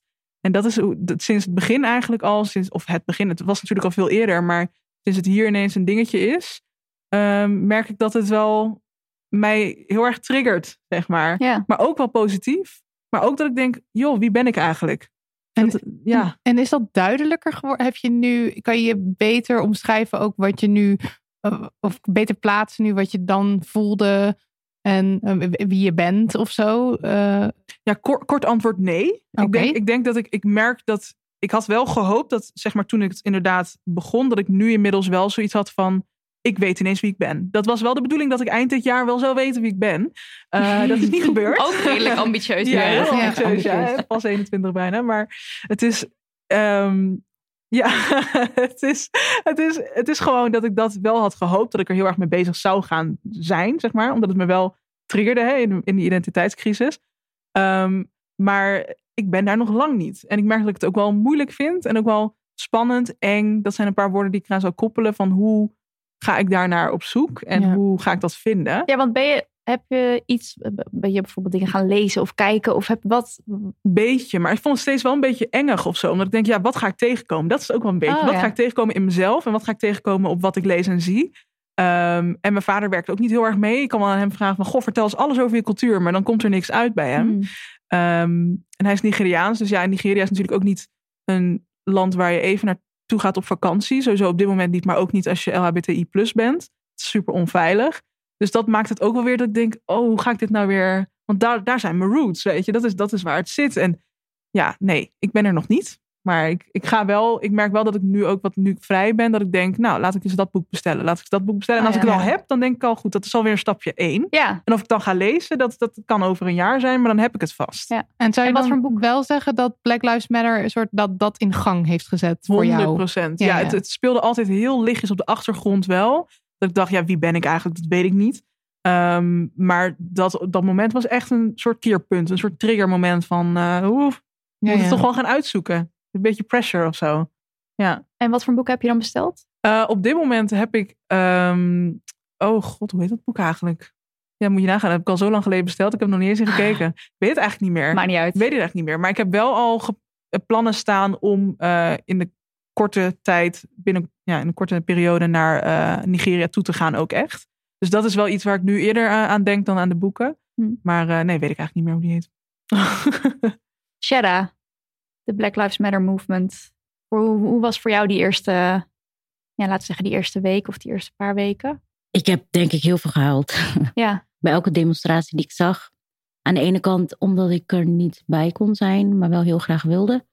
Ehm, aan de andere kant omdat ik dacht, eindelijk, lijkt bijna ja, nationale aandacht. Het heeft, voor mij heeft het verschillende kanten. Aan de ene kant, ik volg de antiracisme eh, in Nederland al best wel lang. En die beweging geeft me ook best wel hoop. De mensen die zeg maar, daar zichtbaar in zijn, geven mij hoop. De dingen die zij eh, veranderen in Nederland, de gesprekken die eh, worden gevoerd, mede dankzij die zichtbaarheid, geven mij hoop. En afgelopen zomer, aan de ene kant denk ik, ik ben blij dat we nu. Ik voel voor mezelf dat ik nu openlijker ehm, gesprekken over racisme kan voeren. Op plekken waar ik ze nog nooit gevoerd heb. Eh, het heeft me ook heel erg geeducate. Dus ik heb ook heel veel geleerd over Want racisme is best wel ingewikkeld. Ook omdat het in Nederland helaas nog best wel een soort van nieuw is dat we het oud en niet open bespreken. Terwijl mensen gewoon on daily basis ermee geconfronteerd worden. En tegelijkertijd word ik ook bang van alle openlijke racisten. Want dat heb ik deze zomer dus ook gerealiseerd. Ik wist het wel, maar gerealiseerd als in het kwartje viel. Dat er gewoon racists op deze wereld zijn. Like by choice. Dat vind ik doodeng. Ja, en, en, en de rol die de politiek erin speelt, vind ik ook niet tof. Want um, zij maken het wel. Zij, zij paven de way om zeg maar openly racist te zijn. Dus dat uh, zijn wat engere ontwikkelingen. Um, maar voornamelijk hoop. Want angst is een slechte raadgever. En hoe kijk je nu naar de beweging? Want we hebben natuurlijk een tijd gehad waarin er veel demo's waren, waar veel mensen kwamen, veel media-aandacht. Ja. En zoals dat dan gaat, uh, gaat die storm liggen. Ja, voor mij persoonlijk Is er wel iets veranderd? Voor maar jullie persoonlijk ik vind wel. het wel jammer om te zien dat het nu lijkt alsof men toen, men toen, ik weet niet wie men is, hè, maar men toen zo meeging tussen, of uh, op, tussen aanhalingstekens, de hype. Want nu zie of merk ik het niet. En het is ook niet per se heel erg doorgedrongen op plekken waar uh, het belangrijk is, zoals, ja, vind ik de politiek. En toch vinden mensen het, ras, het woord racisme ook nog steeds moeilijk en ingewikkeld. En nog steeds zie je events waar je alleen maar witte mannen ziet. Je ziet kieslijsten waar je alleen maar witte mannen ziet. Je ziet heel veel kieslijsten die bijna licht geven van hoe wit ze zijn. En dan, wow, yeah. ja, maar dan noemen ze zichzelf divers en inclusief. En dan denk ik, are you kidding me? Is dit een grap? Dus ik weet niet. Aan de ene kant uh, heeft het wel heel veel in gang gezet. Maar aan de andere kant denk ik van ja, het is niet een, een, een zomeractie of zo. Like, we, we, we hebben nog steeds gewoon racisme. Like het was mensen... niet het festival van de coronatijd. Nee, precies. Ja. Nee, ik, precies. Wat, wat, ik inderdaad, wat je zegt, een soort van dat soort hype-achtige wat erin zit. Dat mensen daar gewoon mm -hmm. aan meedoen. Maar ik moet toch zeggen, dat had ik op dat moment dat het echt een hype was. Uh, dacht ik dat ook heel erg. Maar nu, ik zie in mijn omgeving, dat is natuurlijk mijn bubbel, toch echt wel verandering. En echt mensen die nu echt zichzelf aan het educaten zijn. Um, en daarin ook de discussie aangaan op punten waar, het, waar ik het belangrijk vind. En dat is bij jezelf beginnen. Um, en dat is, dat is het mooie wat ik er aan terugzie, zeg maar. Maar dat is binnen mijn bubbel. En ik weet niet hoe dat op uh, grote schaal is. Mhm. Mm -hmm. Maar dat is wat, hoe ik er nu tegenaan kijk. Ik denk dat het in mijn omgeving heel veel goeds heeft gedaan. Dat vind ik heel mooi om te zien. Uh, het is een goed begin. Ik bedoel, we zijn er nog lang niet, maar dat nee. is met alles zo. Maar het is gewoon een goed begin en dat geeft mij inderdaad ook weer die hoop. Mm. Ja. Ja. ja. Het was een soort ontploffing, echt. En opeens was het er. Ik heb wel um, ook wel weer veel geleerd van Black Lives Matter en ook over racisme.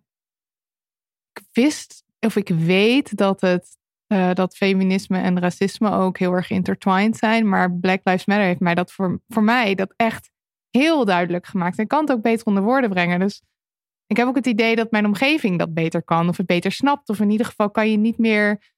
Uh, als je nu zegt Black Lives Matter. Je kan er ook niet meer... Je kan niet net doen alsof je het niet weet wat het is. En dat zijn wel misschien veranderingen die in ieder geval nou, wenselijk zijn. Ja. Nodig, denk ik. Ja. nodig. Nodig, nodig is het woord. Alleen uh, ja, door, ja, het is niet doorpakken, genoeg. I Precies, guess. ja. Ja, echt ja, een vreselijk woord, maar... Ja. Nou ja, het is eigenlijk te triest voor woorden dat we hier al... Ik neem hier geen genoegen mee, dat wil ik niet zeggen. Maar het is toch dat we hier heel blij mee zijn. Ja. Dat het zo, ja. Eigenlijk is dat het het, heel, op, dat heel het erg. nummer twee is op de 20, 2020. Precies, uh, ja, nee, eigenlijk is het heel erg dat we dan nu denken... oh ja, ja, nou ja, het is toch wel wat opgeschoten. Nee, we moeten Ja. gewoon Nee, doorpakken. we moeten die lat uit de kelder halen. Exact, die lat Ja. moet veel Dat vind ik hoger echt gaan liggen. zo leuk gezegd. Ja, dat heb Precies, ik- ja. ja. ja. En we moeten de lat uit de kelder halen. Ja, Door te stemmen. Ja. Goed idee. Door te stemmen. Ja. Ja. 2021. weet Go. stemt. Laten we eventjes dan naar ehm, de wat meer persoonlijke dingen gaan. Nou, dit is ook, het is ook persoonlijk, maar misschien dingen die jullie zelf hebben meegemaakt, die niet de rest van de wereld eh, direct heeft meegekregen.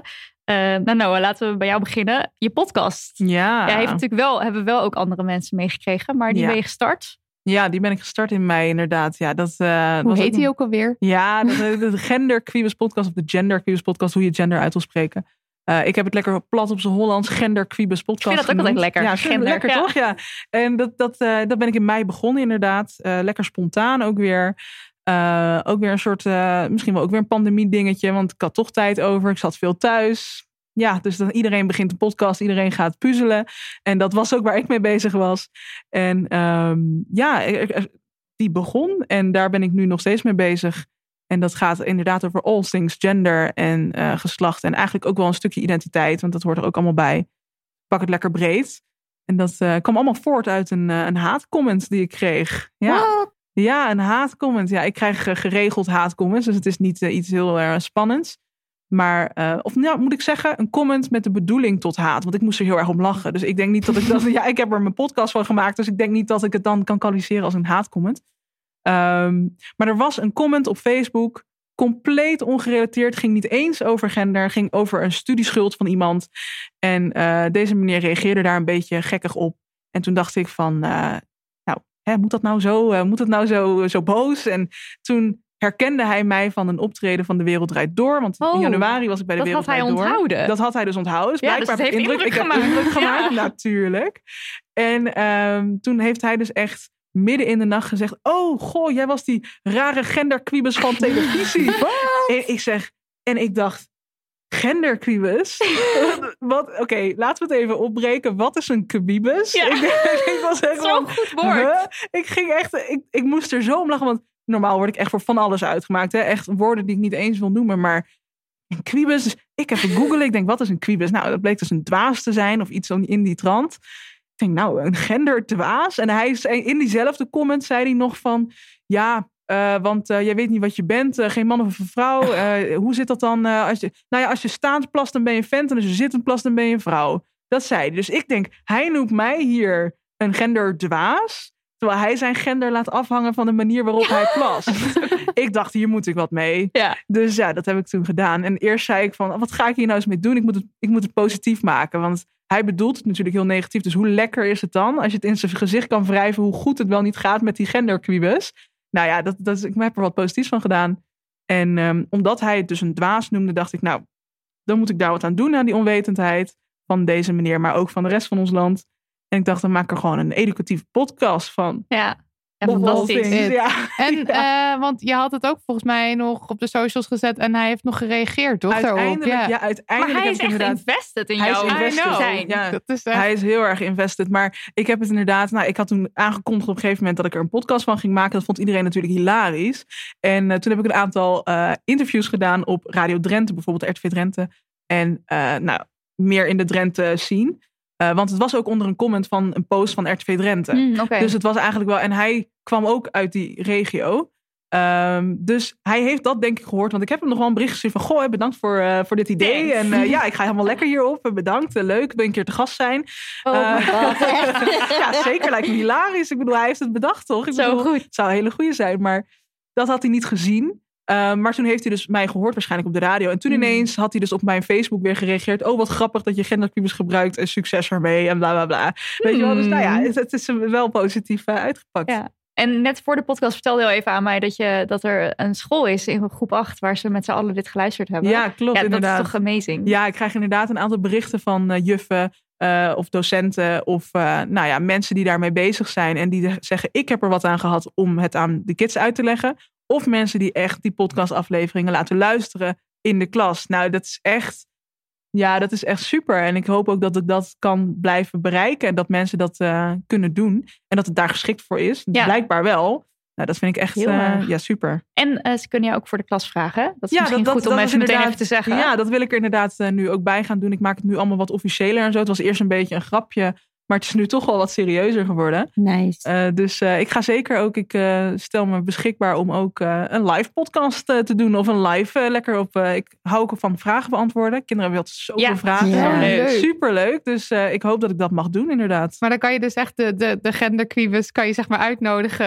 Indeed. voor school. En ja. die komt dan praten. Ik kom lekker kletsen. Fantastisch. Ja. Leuk. Oh, ja, ik, wou dat, ik dat, ik wou dat je, dat je twintig jaar geleden Ja, er al was. En- Ja, ik ook, ik ook. Maar ik hoop dat ik nu alsnog een bijdrage kan leveren. ja, nou, dat Ja. zal ongetwijfeld. En Shada, jij schreef eigenlijk altijd al. Ja. Ehm, maar dit jaar verscheen dus ook jouw essay in De Goede Immigrant. Hoe was dat om het te schrijven? Kijk, sowieso is De Goede Immigrant ehm, een bundel van verhalen die je over het algemeen niet nergens ziet. Dus van, ja, De Goede Immigrant. Mijn ouders die zijn uit Suriname hier komen wonen. En daardoor ben ik hier geboren. Maar waarom ze hier zijn of de hele geschiedenis van Nederland-Suriname heb ik eigenlijk nooit gehad. En ehm, opgroeiende als gehandicapte vrouw van kleur probeerde ik heel erg te voldoen aan een norm waar ik never aan zal voldoen. Maar dat wil ik ook helemaal niet meer. Maar, Maar, dus wel, voor een lange tijd wel. Voor lange Ja. tijd deed ik dus alsof ik gewoon eh, mee kon eh, doen met alles. En dat deed ik ook gewoon. Maar totaal geen rekening houdend met wat. ehm, ik hield dus totaal geen rekening met het feit dat ik dus en vrouw ben en gehandicapt. En ook nog eens van kleur. Dus die drie de- onderdelen van mijn identiteit die dus zichtbaar zijn. Ik had nooit nagedacht over wat dat betekende voor mijn positie in de maatschappij. En hard werken was voor mij gewoon mijn default. Like gewoon gaan zonder rekening te houden met niks. Gewoon je best doen. Invechten. Ja. Ehm, dit is sarcastisch trouwens. Ehm, ik heb dit verhaal geschreven voor, zeg maar, de jongere Shedda. Alle jongere Shedda's die eh, dit verhaal lezen en daar herkenning uithalen. Ik had gewild dat de goede immigrant 20 jaar geleden al bestond, misschien nog eerder zodat ik herkenning kon halen uit de verhalen die ik daar las. En me niet al die tijd zo'n vreemd eentje of alleen had gevoeld. Omdat ik dan vragen had of me dingen afvroeg waarvoor ik me schaamde. Ja. Dus dat er meer mensen waren met dezelfde levensvragen, dat had ik gewoon heel graag eerder geweten.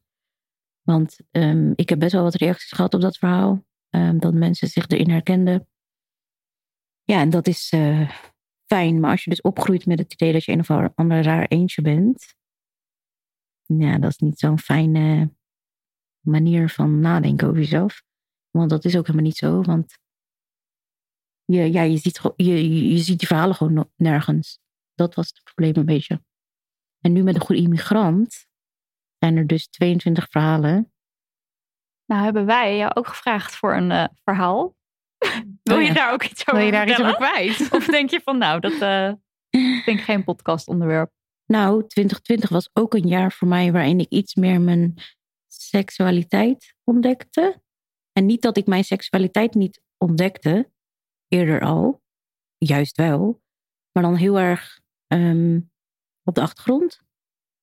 En een van die onderdelen, en daar vond ik het echt amazing dat uh, jullie dat vroegen, was dus een verhaal voor in Damn Horny. Mhm. Like, Wauw, maar gewoon echt on point ook dat jullie dat vroegen. Ik weet niet of je nog kon, kunt herinneren hoe ik reageerde, maar het paste gewoon precies in mijn proces.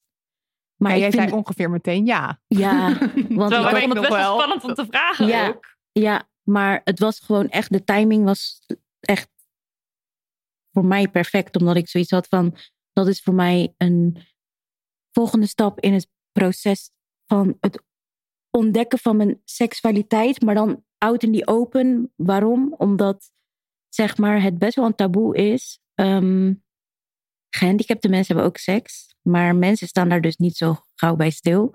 Omdat het dus een taboe is over het algemeen worden gehandicapte mensen dus niet als seksuele wezens gezien. Dus op die manier keek ik ook niet naar mezelf. En mijn, de ontwikkeling van mijn seksualiteit kwam ook best wel laat daardoor. En I'm a very sexual person. Dus dan weet je dat alvast. Alleen nu ook iets meer naar buiten toe. Omdat ik denk dat het belangrijk is. Ook omdat ik zeg maar op Instagram best wel wat rolmodellen heb die zeg maar daar ook out in die open stappen in maken. En die inspireerden mij om dat dus ook te doen. Want dit is echt een belachelijk taboe. Like, Ja. kom, we slopen hem. Zin in, volgend Zin jaar. in. It's happening. Kunnen niet wachten. Ik vind het wel tegelijkertijd heel spannend, ja. Ja, maar dat is logisch. Tuurlijk. Want wij, Dus wij, moeten, wij schrijven ook een ik- verhaal. Wij vinden het ook spannend. Ja, het is ook gewoon een spannend onderwerp ja, überhaupt. toch? Hè? Oké. Ja, dus, Dus exciting en spannend, gewoon allemaal naast elkaar. Noah was op tv. Ja, Ook spannend lijkt ook mij. dat, Want je, ja. was dat de eerste keer? Nee, want je, ik heb het gevoel dat je ook de hele tijd op tv bent. Ik heb wel zo'n heel beeld van Ja. jou op Nee. tv, overal praten. Hallo. Ja, ik doe wel kleine dingetjes inderdaad. De wereld door. De wereld Bijvoorbeeld. De wereld Klein door. dingetje. Klein Ja, dingetje. klein dingetje. Eh, maar je was in het programma Hij en Zij. Wat ik trouwens een hele rare titel vind Ja. voor wa- wat het is. Ja. Want dat is niet wat er gebeurt. Eh, er zijn Nee. niet alleen maar mensen die, Nee. die haaien en zijen. Nee, want hier ben ik. Precies, ik ben een manager. Dus eh, Ja. nee, klopt inderdaad. Ja, ik zat, eh, ik deed mee aan Huis en Zij. Ja. En, eh, en hoe was dat? Ja, een beetje dubbel. Ik vond, het, ik vond de draaidagen heel gezellig. Dus dat is één ding. Ik vond het heel erg leuk om met de crew te zijn. Dat was echt superleuk. En daarin heb ik ook wel een beetje mijn interesse gewekt in televisie maken. Dus dat is ook wel weer een, leuk bonuspuntje. Ehm, verder is het natuurlijk heel, heel natuurlijk. Ja, het is redelijk kwetsbaar. Want je deelt je verhaal voor nou, miljoenen mensen die dat kunnen zien. Ehm, dus dat was wel een dingetje. Het was niet dat het de eerste keer was dat ik mijn verhaal deelde, maar toch wel, het, ik denk tot nu toe het grootste platform. En het langst. Want normaal als ik dan ergens kom, dan is het dat ik in twee minuten moet vertellen hoe het allemaal werkt en hoe het allemaal zit. Dat is natuurlijk heel ingewikkeld. Maar eh, dit waren meerdere afleveringen waar ik in terugkwam. En hier word je dan echt gevolgd, toch? Ja, ik werd een, jaar, een jaar gevolgd. Dus het waren een aantal draaidagen in dat jaar. Eh, en dat, daarna wordt het dus uitgezonden. En er zijn meerdere mensen natuurlijk die eraan meedoen. Ehm, dus ja, dat, dat, dat, dat heb ik gedaan. En dat was enorm leuk. Maar het was ook heel spannend. Omdat ik vooral bang was voor de reacties. Omdat ik wel eens eerder dus bijvoorbeeld in het nieuws ben geweest. Met die, eh, dat ik als tweede Neder- volwassen Nederlander een X in mijn eh, nou ja, paspoort slash identiteitskaart heb.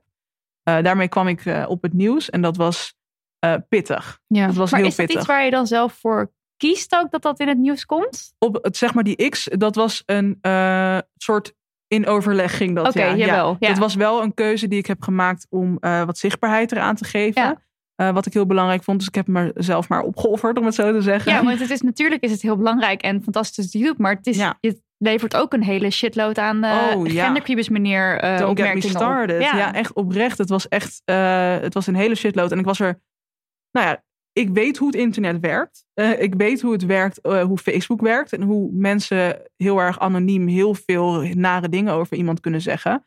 Ehm, dus ik was er enigszins op voorbereid. Ik wist dat, het, dat er een shitload ging komen.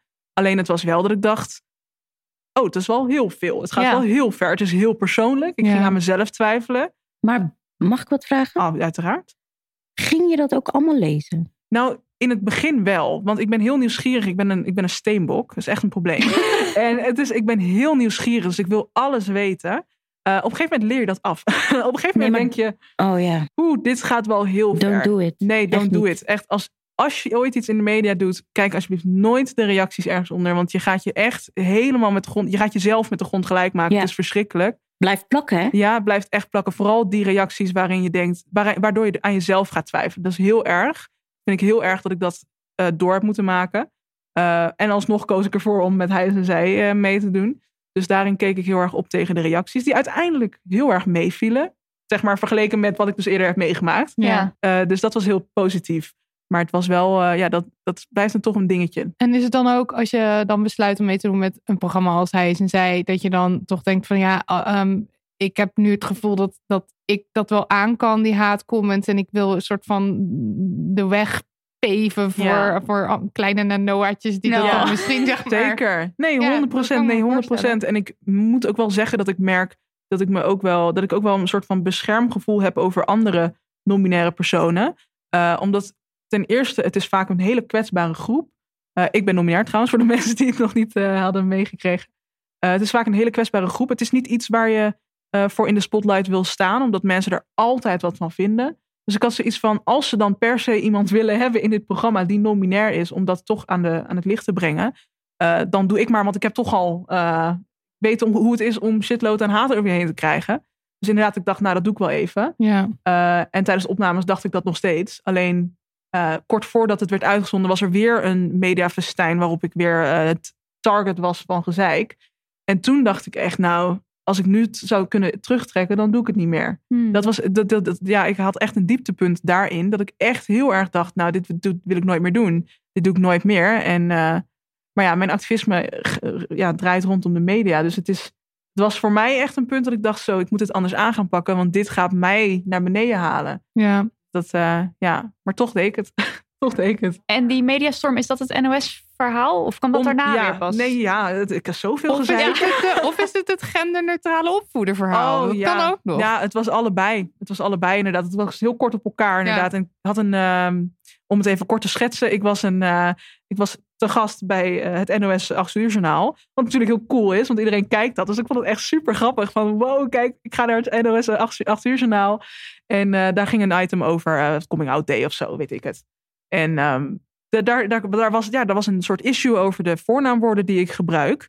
Eh, ik gebruik namelijk niet die hij of zij. Ik gebruik hen of die. Eh, en dat is, nou ja, ik, ik wil zeggen dat is ingewikkeld, maar dat is helemaal niet ingewikkeld. Maar dat vinden mensen ingewikkeld. En eh, dat vond de NOS ook. Had daar heel veel moeite mee. En die hadden eigenlijk zoiets van, nou, dit gaan we niet, dit kunnen wij niet doen. We kunnen jou niet aanspreken met jouw voornaamwoorden. ja, dat was ook mijn reactie. Eh, hoe zit dat precies? Hoezo Want het is niet? te ingewikkeld, toch? Het Of taalkundig was het, Het niet was te ingewikkeld voor correct de, of voor de lezer en de kijker. Ja. Maar wacht even, het stuk ging ook over... Het ging over mij. Over me being non-binary. Dat is. Ja. ja, het is heel raar. Ik was Lijkt, echt... doe je huiswerk. doe je huiswerk dat. En ten, kom niet bij mij over de vloer als je denkt dat mijn voornaamwoorden een discussiepunt zijn. Ja. Doe even rustig. Dat gaan we dus even niet doen. Dus daar achteraf gezien, toen het gebeurde, was ik te flabbergasted. Toen dacht ik echt. Ja. Ja. Want die journalist kwam over de vloer, hele aardige mevrouw. Eh, en die vroeg ook als een van de eerste vragen van hoe wil je aangesproken worden? Dus ik denk, nou, dit gaat goed. Weet je, het, het begin is er. Ehm, alleen toen zei ik dus, nou, graag met eh, die, diens of hen, hun. Of een combinatie van beide. Als het maar neutraal is. Oeh, ja, nee, dat, eh, dat weet ik niet of dat kan. Dat zal ik even aan de eindredactie voorleggen. Even vragen aan de eindredactie dat Even aan de of, eindredactie kan. voorleggen. En op dat moment dacht ik, huh? Sorry, wat? Excuse me. Maar ik, ik ging gewoon, daarna kwam het interview en was ik alweer van, nou ja, het zal wel, het zal wel. Toen hebben we het er nog even over gehad. En toen waren ze weg. En toen had ik een momentje dat ik achter mijn bureau zat. Ik denk, gaan we niet menen? Wat Ben- gebeurde wat er gebeurt eigenlijk? mij hier Ja. nou? Wat gebeurt mij hier nou? Die de activist. Wat gebeurt mij hier? En ehm, toen inderdaad hebben ze niet mijn voornaamwoorden gebruikt, hebben ze zelfs zij gebruikt in het online artikel. Ja, daar kwam ik achteraf pas achter. Eh, daar ben ik toen heel boos over, eh, over geweest. Ja. En eh, nog steeds eigenlijk wel. En daar is toen een, eh, heb ik toen een, eh, een stuk over geschreven. Uit, uit woede en frustratie. En dat heb ik toen maar eh, online gezet. Een soort, ja, soort pleidooi van doe even normaal. En heb je ooit nog reactie daarop gekregen van NOS? Ja, is. Ze stuurde een soort van kopieerbericht, zowel naar mij als naar anderen die er wat over zeiden. Ehm, Oh, de copy-paste. Een soort van copy-paste met we lezen je bericht, eh, we zien dit, eh, we, we nemen het mee? Nou, dat nog niet eens. Oh. Ze, ze zeiden, we, we hadden inderdaad discussie op de redactie over dit onderwerp. En toen heb ik gezegd, ja, maar ik vind mijn identiteit, mijn voornaamwoorden, geen discussie voor een eindredactie. Als het al een discussie is, dan is het een discussie met mij. Want het gaat om mij. En, eh, maar daar hebben ze verder niet meer op gereageerd. Uiteindelijk hebben ze dat, dat stukje zij hebben ze uit, uit het stuk gehaald. Uiteindelijk wel. Online, ja. Ja, stilletjes hoor. Want ze hebben, ik moest het weer achteraf zien Oh ja. omdat ik natuurlijk, nou ja, die post ging viral, waar ik in heel erg boos was.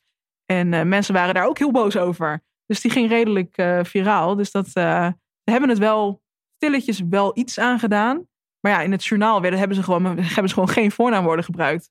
Dus het is gewoon, dat is nog veel ingewikkelder. Want dan heb je het hele tijd over Noah, Noah, Noah, Noah, Noah. Ja, dan denk je ook, waar heb je het nou over? ja. Dus ze hebben het zichzelf heel ingewikkeld gemaakt. Maar... Echt, Ja. Het enige wat je hoeft te doen is accepteren dat het gewoon wel een voornaamwoord is. En dan Dat ben je er. en, en ik kan me voorstellen dat er mensen zijn die het niet kennen. Hè, weet Ja. je, dat, ja, dat maar is ja, heel logisch. item is natuurlijk het moment om het dan even uit te leggen. En, geen Want- enkel. Als jij nu in het nieuws komt omdat jij world peace voor elkaar hebt gekregen, dus iets wat totaal niet te maken heeft Compleet met dat je anders. bent, Mhm. dan zullen ze ook jouw voornaamwoorden moeten gebruiken. Dus je kan het maar beter een keer geïntroduceerd hebben in een stuk waar het er ook echt over gaat. Precies, en dat heb ik ook gezegd. Maar dat eh, media willen heel erg graag niet een voorloper zijn Ja, hierin. dat is Ja. echt... En terwijl uiteindelijk hebben ze dus die zij aangepast naar hen. En hebben ze er een soort kliklink van gemaakt. Met heel kort uitleg erbij van... Oh, dit is waarom we hier hen of die gebruiken. Ja, nou Dat precies is het eigenlijk. enige wat je nodig hebt. Ja. Je hoeft het er niet eens zo uitgebreid over te hebben. Helemaal niet. Als je Nee, liever bij- nee, liever niet. Maak Ja. het zo normaal mogelijk. Juist, Ja. We hadden hier trouwens een vraag over Oh, van, de luisteraar. Hoe gebruik je hen voor non-binaire mensen? Is het met meervoud werkwoord? Dus, Oh ja. Ja, of je dan dus zegt eh, jullie. Ja, Dus nee, jullie zitten nu aan tafel, zeg ik dan nu Nee, tegen nee, jou. Nee. dat zou je dus niet, eh, tenminste hoe ik het gebruik en de meeste mensen die neutrale voornaamwoorden gebruiken, direct een disclaimer, niet alle non-binaire mensen gebruiken neutrale voornaamwoorden. Er zijn er wel een aantal en die gebruiken dan af en toe hen, hun eh, of die dienst. En eh, hen is natuurlijk ook meervoud. Dat is waar de, de mensen die eh, de verwarring vandaan komt.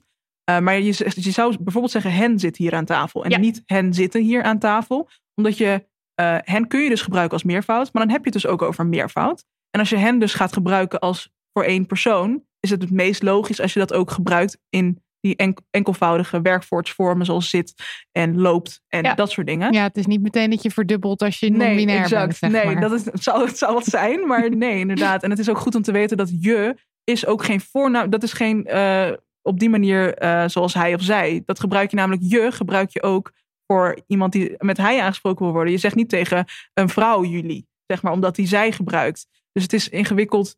Alleen maar die hij, zij, hen hoef je eraan te denken. En niet aan jij of aan wij. Of, Ja, het is gewoon zoals je hij gebruikt, zo gebruik je nu die. Of zoals je zij gebruikt, gebruik je die. En verder blijft alles gewoon hetzelfde. exact. Ja, Ja. exact. En dat is iets waar mensen misschien een beetje op moeten oefenen. Even, maar even goed, wennen. Ja. Ja. Je moet het gewoon eventjes een paar keer herhalen. Ja. En eh, ook in je hoofd, als je aan iemand denkt die die voornaamwoorden gebruikt, gebruik dan ook die voornaamwoorden als je daarover nadenkt. Ja. Want ik kan me voorstellen dat je, als je met iemand praat, dat je het wel probeert, maar in je hoofd denk je, oh, laat maar. Maar als je juist als je het even in je hoofd hebt, dan is het veel makkelijker om het toe te passen.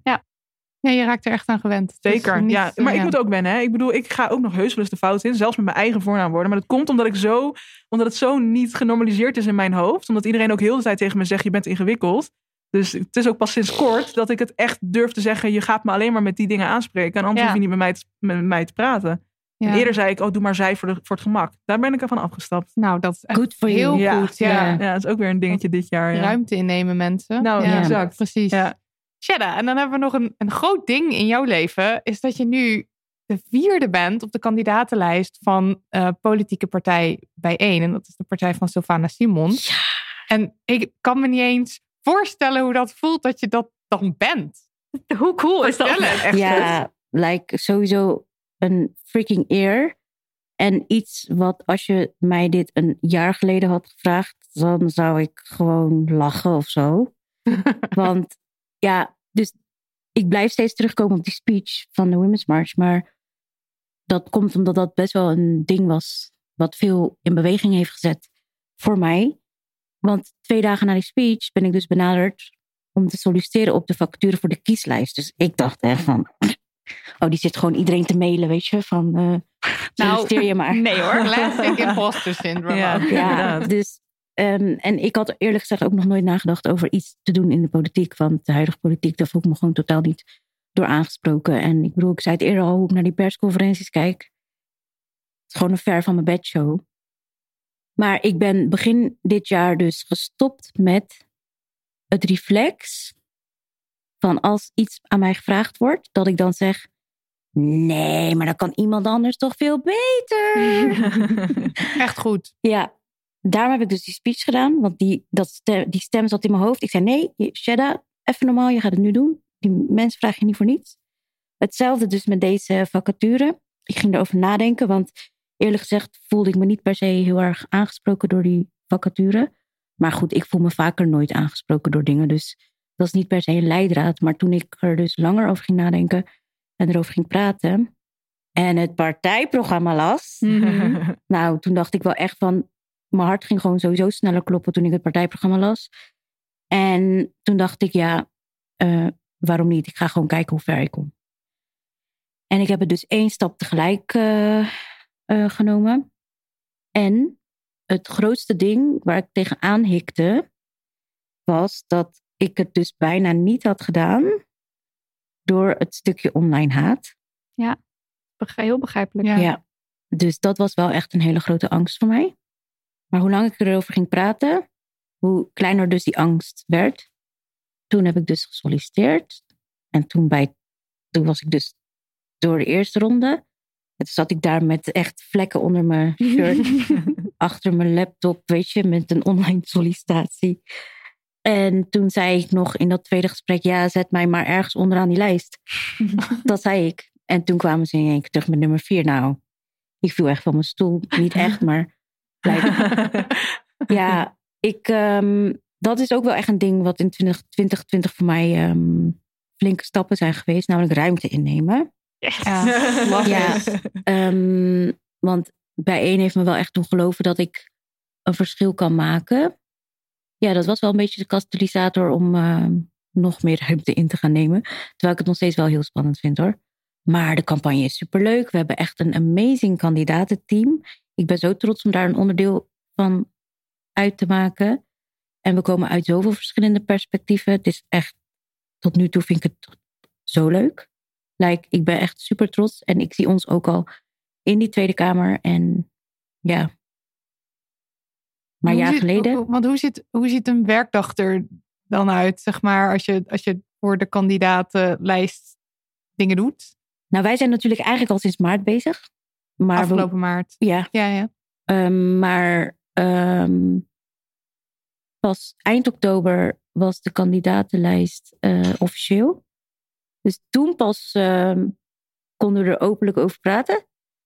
En blij zijn en zo. Maar ik ben wel blij met die beginperiode geweest. Want dan kon het zeg maar rustig landen. Maar er is niet een, een, een, een werkdag die ik zo... standaard. Het is, Nee. Nee, het is echt niet standaard. En het is ook echt, ja, we doen eigenlijk van alles. Ik ben trouwens ook betrokken bij het ehm, team dat zich bezighoudt met digital organizing, maar voor social media.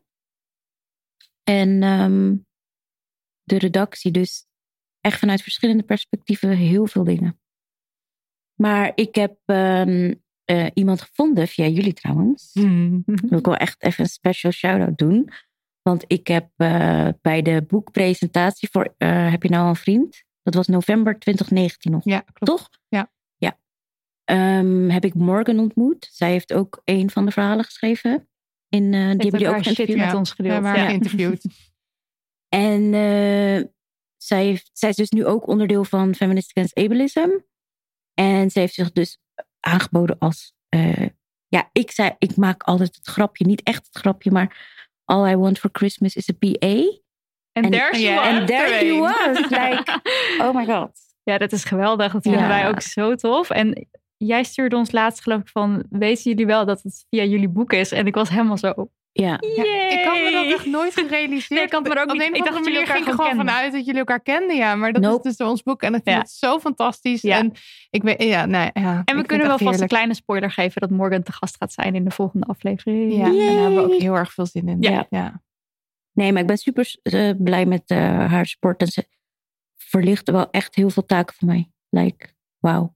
Echt tof. Oké, laten we afsluiten. Ja, we moeten al richting afsluiten gaan. Ja. Eh, we hebben heel veel vragen ook gekregen over eh, terugblikken op 2020 en vooruitkijken naar 2021. En laten we er een rapid fire van maken, zoals ik dat dan noem. Dat heb ik gestolen uit een andere podcast. Ik weet even niet hoe die heet. Maar goed, dus dat we semi-kort eh, proberen antwoord te geven. Even zo allemaal. Je niet? beste aankoop van 2020, Nanoa. Oh, maar waarom moet je dan bij mij beginnen? Want Ja. ik weet snel. Oké. Ik weet het ehm, ook niet. Mijn servieskast van Marktplaats. Ik ben er heel blij mee. Oh.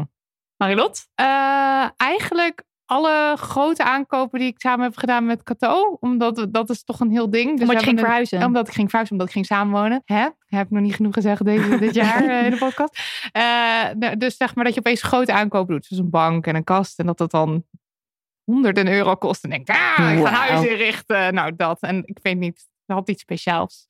Shada. Eén ding dat ik heb gekregen met mijn verjaardag. Een fancy Nespresso apparaat. Met Nice. melkschuimer en allerlei accessoires en heel veel cupjes. En ik moest er 37 voor worden, maar ik heb een eh Satisfyer gekocht. Yes. Oh, die Ja. heb ik ook gekocht dit jaar, ja. Dat is echt En ik ben zo blij. Ja. Oh, ik. wow. Ja, ik, ik vind het ook een won- echt knap dat ik hier ben ook gewoon. Like, Dat je gewoon nog sh- showed up bij die Ja. Ja, inderdaad, op een zondag. Nidia? Ja, Toby, hè, ons, eh, ons puppy. Het hele jaar was in het teken van Toby. Dus eh tuurlijk, ja. Ik vind het heel raar om te bedenken dat die er nog niet was. Een paar maanden ook. geleden. Nee. ook een raar idee. Even kijken. Wat laat je hopelijk achter in 2020? Shada. wat ik achterlaat in 2020 is zeg maar het stemmetje dat eh, mij wijsmaakt dat ik niet goed genoeg ben en het niet kan. Ja. Ja, nou, same voor mij.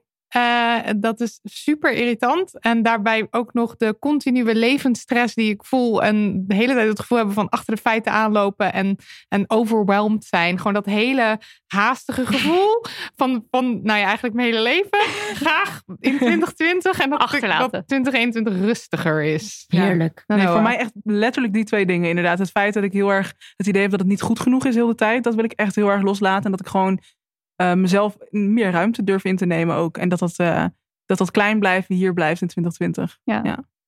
Ja. voor mij is het toch het pleasen van mensen. De luisteraar die weet dat wel, dat ik daar eeuwig en altijd mee bezig ben. En ik ben ook niet in de. Ik heb niet de illusie dat dat zo makkelijk uh, weggaat. Maar laten we erop inzetten. Ja. Dat zal voor jullie ook gelden. Het zijn geen ja, dingen die je makkelijk zeker. even achter je laat, maar minder mensen willen pleasen. Um, wie of wat heeft jou geïnspireerd in 2020? Mijn moeder. Mijn moeder inspireert me altijd. Mooi dus uh, mijn moeder moet, uh, die, uh, doet het elk jaar weer. Dus dit jaar ook. Ja, zeker. nou, de, de feministen uit de jaren 60 en 70 die bij ons te gast waren, dat waren in dit geval Nettie van Hoorn en Pamela Patinama. Die uh, kwamen vertellen over, uh, over hun, uh, hun actie voeren in de jaren 60 en 70. In de jaren 70 eigenlijk. samen met de docu De Stad was van ons. Dat heeft me zo geïnspireerd. En ik wil gewoon, nou, dat hebben we ook in de aflevering al verteld.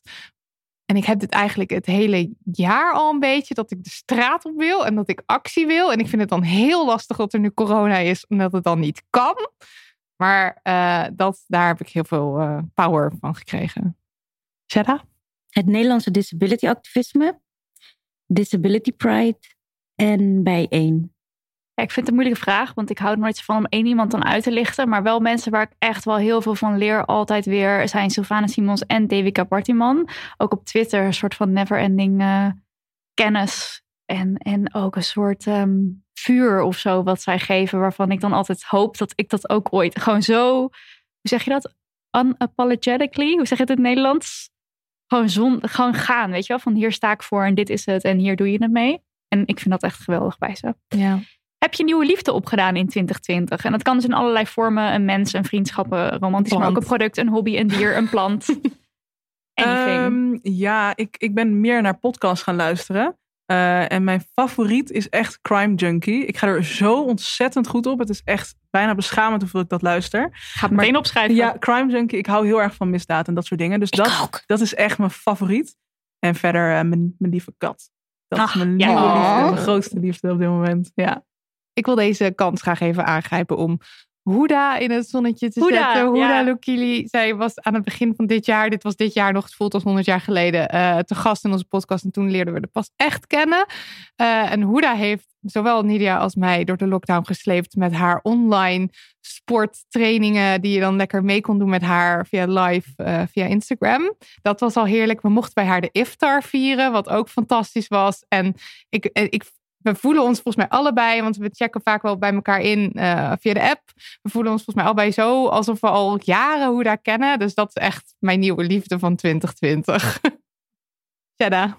Ik heb uh, zelfliefde herontdekt. Oh, dit is oh, zo goed antwoord. Ja, weet je. ik ben blij dat jij als laatste mocht. Zit, zit ik hier met mijn kat? Niet meer te zeggen. Zit ik hier met mijn kat gewoon? Nee, maar het is echt zo.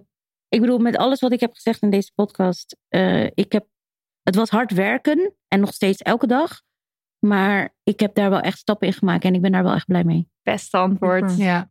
Met veel schaamte zeg ik mijn nieuwe stofzuiger. Nee, maar het is geen wedstrijd. De date is geen wedstrijd. En die stofzuiger is fijn. Daar kan Oh, ik kan ook gewoon. een hele podcast over voorpraten. over voorpraten. Eh, vooruitblikkend op 2021. Ehm, een goed voornemen of ben je er niet van, Nanoa? Ja, eigenlijk wel. En dat heb ik sinds kort bedacht. En normaal ben ik er niet van. Maar ik heb nu bedacht dat ik mijn activisme anders wil inrichten.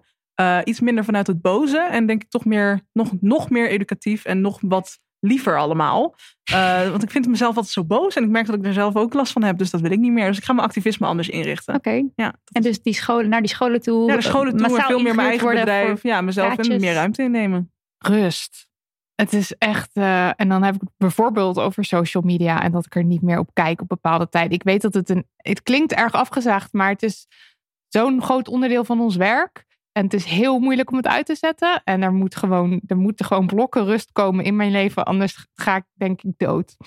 Die. Ja. Dat, dat sowieso een beetje af en maar- toe. Ja. Eh, met twaalf zetels in de Tweede Kamer. Yes. Ah, Yes. Top. Ja, Beste voornemen. Nidia. Ja, ik heb een combinatie, want het ruimte innemen is echt helemaal top. En het, ehm, eh, die rust pakken, want uh, gaat helemaal niet goed. En ik ben dus in deze corona steeds meer zo gaan leven. Herkennen ja. jullie het? Dat je steeds meer zo soort van, hoe zeg je dat? Voorovergebogen zo op je telefoon. En zo, ik zou wel weer wat meer aan zeg mijn maar. postuur willen Ja. werken. Oh ja. Ja, wat, Ja. een wat Zat- suffer voornemen, maar Ik zat net alweer te zeuren over mijn rugpijn, maar dat is ook Ja. aan de hand. Ja. Ja. Dat is een ding. Welke krantenkop wens je 2021 toe? ja, Sylvana voor, voor, voor president. President. Ja. ja, dat, ik denk dat we het daar Ja. allemaal over eens zijn eh, eigenlijk. Ja, dat. En eh, ik, Kato kwam er nog zelf met eentje. Eh, vaccin voor corona blijkt ook effectief tegen migraine. Geen bijwerkingen. Ja. Amazing. ja, Ja. Dat zou, Ja. dat zou een goede zijn. zijn.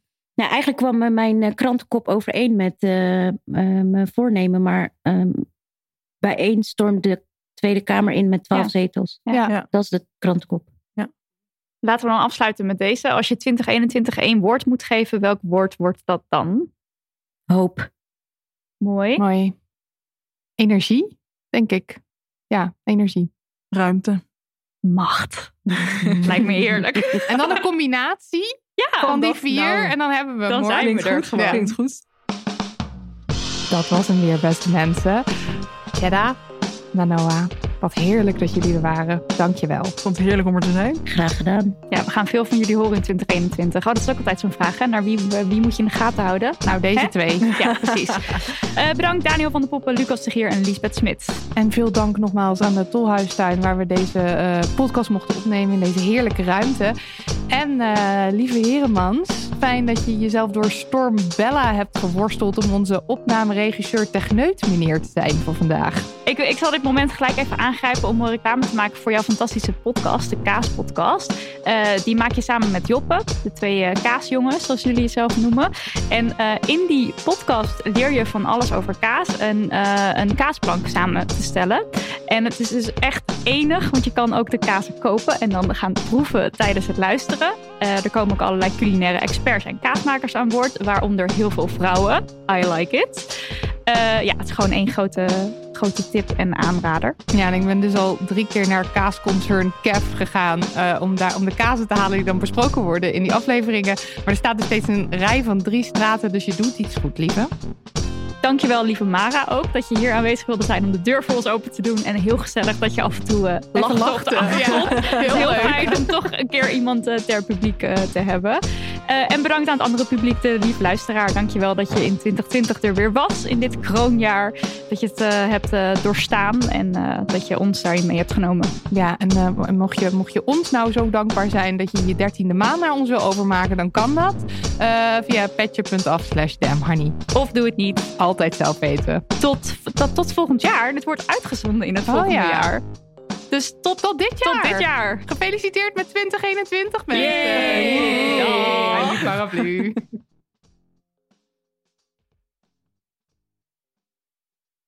Nog even over die grootse en epische muziektheatervoorstelling. Het achtste leven voor Brilka is een marathonvoorstelling van 5 uur. Koop je tickets voor deze bijzondere theateravond via oostpol.nl.